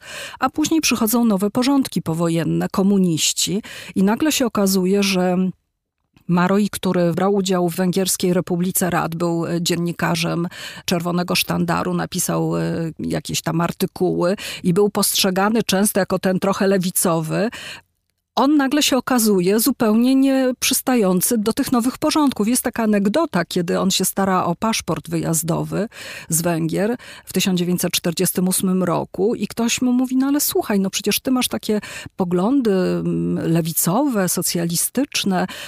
No u nas się tak na Węgrzech teraz wszystko wspaniale zmienia. No już w 95% mamy za sobą tę zmianę i, i ty teraz wyjeżdżasz? A Maroj odpowiada, tak, wyjeżdżam z powodu tych 5%. Więc w 1948 roku zaczyna się druga jego emigracja i to już jest emigracja smutniejsza, bo e, proszę pamiętać, że człowiek mm, znany, uznany, z pieniędzmi, z pozycją, wyjeżdża za granicę i chce się utrzymywać z literatury pisanej w języku węgierskim. No, przedsięwzięcie naprawdę gigantyczne i trudno sobie wyobrazić, jak to w ogóle jemu się udało bo on przecież mówił również biegle po niemiecku, mógł pisać po niemiecku, mógł w ogóle wyemigrować do jakiegoś kraju niemieckojęzycznego i, i swobodnie tam też e, zająć jakąś pozycję. Natomiast on się zdecydował na taką no, samotniczą rzecz, e, bo jeszcze w Europie miał znajomych, którzy mu trochę pomagali. On się też bardziej e, orientował w Europie, lepiej się czuł, ale kiedy wyjechał do Stanów, gdzie nikogo nie znał, gdzie nie rozumiał tych e, nowych rzeczy, które przyszły. Nie miał nikogo, kto mógłby mu to wytłumaczyć. Nie było żadnej węgierskiej emigracji, z którą chciałby się zaprzyjaźnić, bo to było towarzystwo bardzo skłócone, a też pozbawione jakiegoś e, takiego zwornika, jak myśmy mieli Giedroycia w Paryżu, w kulturze paryskiej. No i ten Maroi został taki, taki samotny, i pisał, e, oczywiście pisał dalej, ale już nie tak dużo. Skupiał się na dzienniku, to właściwie było jego opus magnum wtedy, ale też pisał powieści, które są przejmujące i które bardzo polecam, bo one są zupełnie inne od tej twórczości jeszcze mm, pisanej na Węgrzech. No i, i przygotowywał się do śmierci. W momencie, kiedy Odeszła jego żona, z którą przeżył 63 lata, odeszło jego rodzeństwo, zmarła wcześniej, dużo wcześniej matka, ale też zmarł przybrany syn e, Marojego. On został od 1987 e, roku sam, schorowany, prawie ślepy, czyli właściwie człowiek w sytuacji wegetatywnej. I wtedy podjął tę decyzję, że no nie będzie czekał, aż organizm sam się zatrzyma, tylko po prostu wcześniej e, odejdzie. I w 80 1989 roku popełnia samobójstwo, to też tragiczne, że e, taką decyzję podejmuje u progu wielkich zmian na świecie, których nie mógł już zaobserwować, których nie mógł już doświadczyć. Tak, to znaczy pod koniec życia już się po, zaczęły pojawiać pierwsze jaskółki, no, szła transformacja w naszej części Europy, e, odbywały się już pielgrzymki do niego, on raczej niechętnie przyjmował, jeśli w ogóle kogokolwiek przyjmował, nie godził się na wydawanie swoich książek e, na Węgrzech, dopóki nie zmieni się ustrój polityczny i, i e, też podkreślał, że najpierw muszą żołnierze żołnierze radzieccy opuścić Węgry. I stąd właśnie brała się ta jego bardzo pryncypialna postawa, ale oczywiście nie mógł sobie zdawać sprawy, że minie ledwie 10 lat jego książki będą wydawane na świecie w milionach egzemplarzy. On umierał y, bez tej świadomości, kim za chwilę się stanie dla tak światowej literatury. Tak jest. I jeszcze podkreślmy to, że pod koniec życia on wydawał te książki własnym sumptem. Miał kilka tysięcy czytelników wiernych, e, którym sam wysyłał paczki. Drukowane to było w Kanadzie u jego przyjaciela, a później dystrybucja, no to właśnie taka poprzez e, pocztę. Bardzo niewielki krąg ludzi. Żadne żadne reakcje, żadna recepcja, bo przecież jego nazwisko, jego osoba były mm, na Węgrzech zakazane. E, ja zawsze podkreślam, że w powojennych Węgrzech e, wykształciły się pokolenia hungarystów, którzy w ogóle nie znali jego nazwiska, niczego nie czytali. Książki Marojego można było albo gdzieś u kogoś w domu znaleźć, albo gdzieś po antykwariatach, ale to były relikwie. To, to, to po prostu jest e, niesłychana rzecz. On oczywiście przetrwał w pamięci niektórych ludzi, ale na pewno było to dla niego bardzo bolesne, że choć miał bardzo ważne rzeczy do powiedzenia, to nie było możliwości, żeby nawiązał dialog z czytelnikami. Mówi pani, że jego książki zostały docenione mm, dopiero 10 lat po jego śmierci. Ale ja mam takie wrażenie, że on nadal nie jest e, wystarczająco doceniony. No biorąc pod uwagę to, że ta książka, którą teraz trzymam w rękach, Śladami Bogów, to jest tak naprawdę taka zagubiona literacka perła, która czekała na to, żeby zostać odnalezioną, żeby, żeby ją odkryć prawie 100 lat. Dlaczego tak jest? To jest e, strasznie dziwna sprawa. Maroj napisał kiedyś e, takie zdanie, które mi zapadło w pamięć, że nie wolno mylić e, literatury z terrorem bestsellerów. On bardzo ubolewał w swoich felietonach, które tłumaczyłam w tomie Kronika Niedzielna, bardzo ubolewał nad tym, że literatura stała się takim zakładem przemysłowym, że wydawnictwa kierują się właściwie bilansem. Jakie to jest aktualne dziś. Właśnie, a napisał to w latach 30., czyli też też no już 90 czy 80 lat temu. I dla wydawnictwa najbardziej istotne jest to, żeby była duża sprzedaż, żeby włączyć tego pisarza. On tak niechętnie brał udział w różnych e, takich e, targach książki, czy takich e, wielodniowych pokazach książek i podkreślał, że, że właściwie to nie jest rola pisarza. To jest tak, trochę tak jak cyrk albo jak właśnie to zoo. Literatura ma zupełnie inne zadanie. Literatura powinna zajmować się najważniejszymi najważniejszymi rzeczami pisarz powinien pisać tak, żeby dotrzeć do każdego e, człowieka. Też podkreślę taką bardzo ważną rzecz, że on przez wiele lat był dziennikarzem, prawda? ale on zawsze mówił, no po węgiersku to e, łatwiej wszystko e, pojąć, ja spróbuję to rozebrać i pokazać po polsku. Dziennikarz po węgiersku to jest ujszak iro, czyli ujszak, gazeta, iro, pisarz. Natomiast on mówił, że on jest ujszak, bo czyli do gazety Iro, pisarz, który pisze do gazety. I tak właśnie taka była tradycja na Węgrzech, że najwięksi pisarze zawsze pracowali też dla gazet, pisywali felietony, opowiadania, właśnie jakieś e, reportaże. reportaże na przykład, bo o tym jeszcze nie powiedziałyśmy, a to, to jest szalenie ważna rzecz, że Śladami Bogów to są teksty, które ukazywały się w odcinkach w gazetach. To nie jest e, coś, co on napisał po przyjeździe do Paryża, usiadł i się namyślił i, i, i przelał na papier. Nie, po prostu wysyłał takie korespondencje i to się to się ukazywało po drodze. Więc e, dla Marojego zawsze ważny był poziom literatury. I to jest taka rzecz, która myślę e, przeszkadza dzisiaj trochę w tym, żeby on był właśnie takim e, strasznie poczytnym pisarzem, dlatego że on wymagał też pewnego wysiłku od czytelnika. E, oczywiście jego, on ma bardzo różne powieści i opowiadania i są bardziej przystępne i są takie na bardzo wysokim poziomie, ale on się zawsze starał, żeby to, co tworzy, było wielopoziomowe, żeby dotrzeć do różnego rodzaju ludzi i, i też zachęcić ich do namysłu nad różnymi ważnymi kwestiami.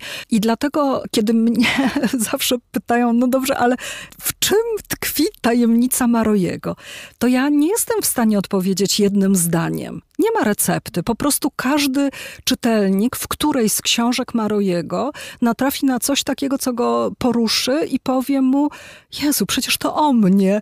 O, ja, ja mam tak samo, jak on to świetnie ujął, jak, jakie to jest prawdziwe. Bo siłą literatury Szandora Marojego, tak jak pani podkreśla, jest ta wielopoziomowość i ta wielopoziomowość jest też bardzo obecna w reportażach tak. E, Marojego. I tak myślę, że na koniec e, może powinnyśmy sobie życzyć i sobie, i innym polskim czytelnikom, żeby nadszedł taki czas, kiedy zaczniemy doceniać e, innych reportażystów. Ten no właśnie, reportaż tak. nie tylko anglosaski, który bardzo zdominował myślenie o reportażu w Polsce.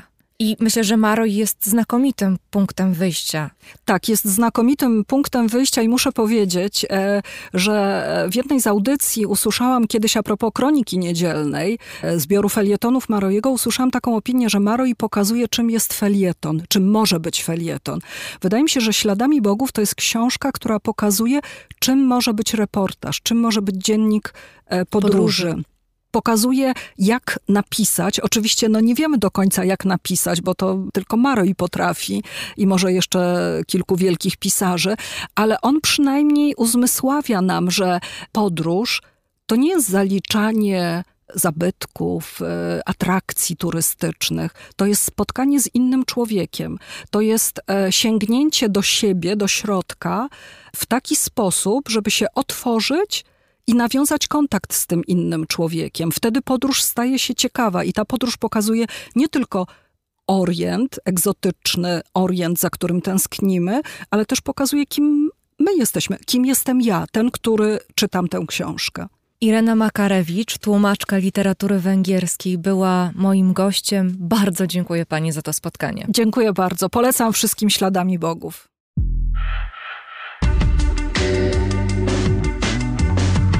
Raport o stanie świata 2021. Wszystko co najlepsze. I tak to wygląda, proszę Państwa. Dziękuję bardzo jeszcze raz za udział w naszej zabawie. Przede wszystkim dziękuję Państwu za słuchanie raportu, za wspieranie nas dobrym słowem, za kontakt z nami, za to, że udało nam się wszystkim stworzyć grono ludzi, którzy słuchają się nawzajem i uczą od siebie. Oby ten rok 2022 dał nam wszystkim wiele nadziei i radości.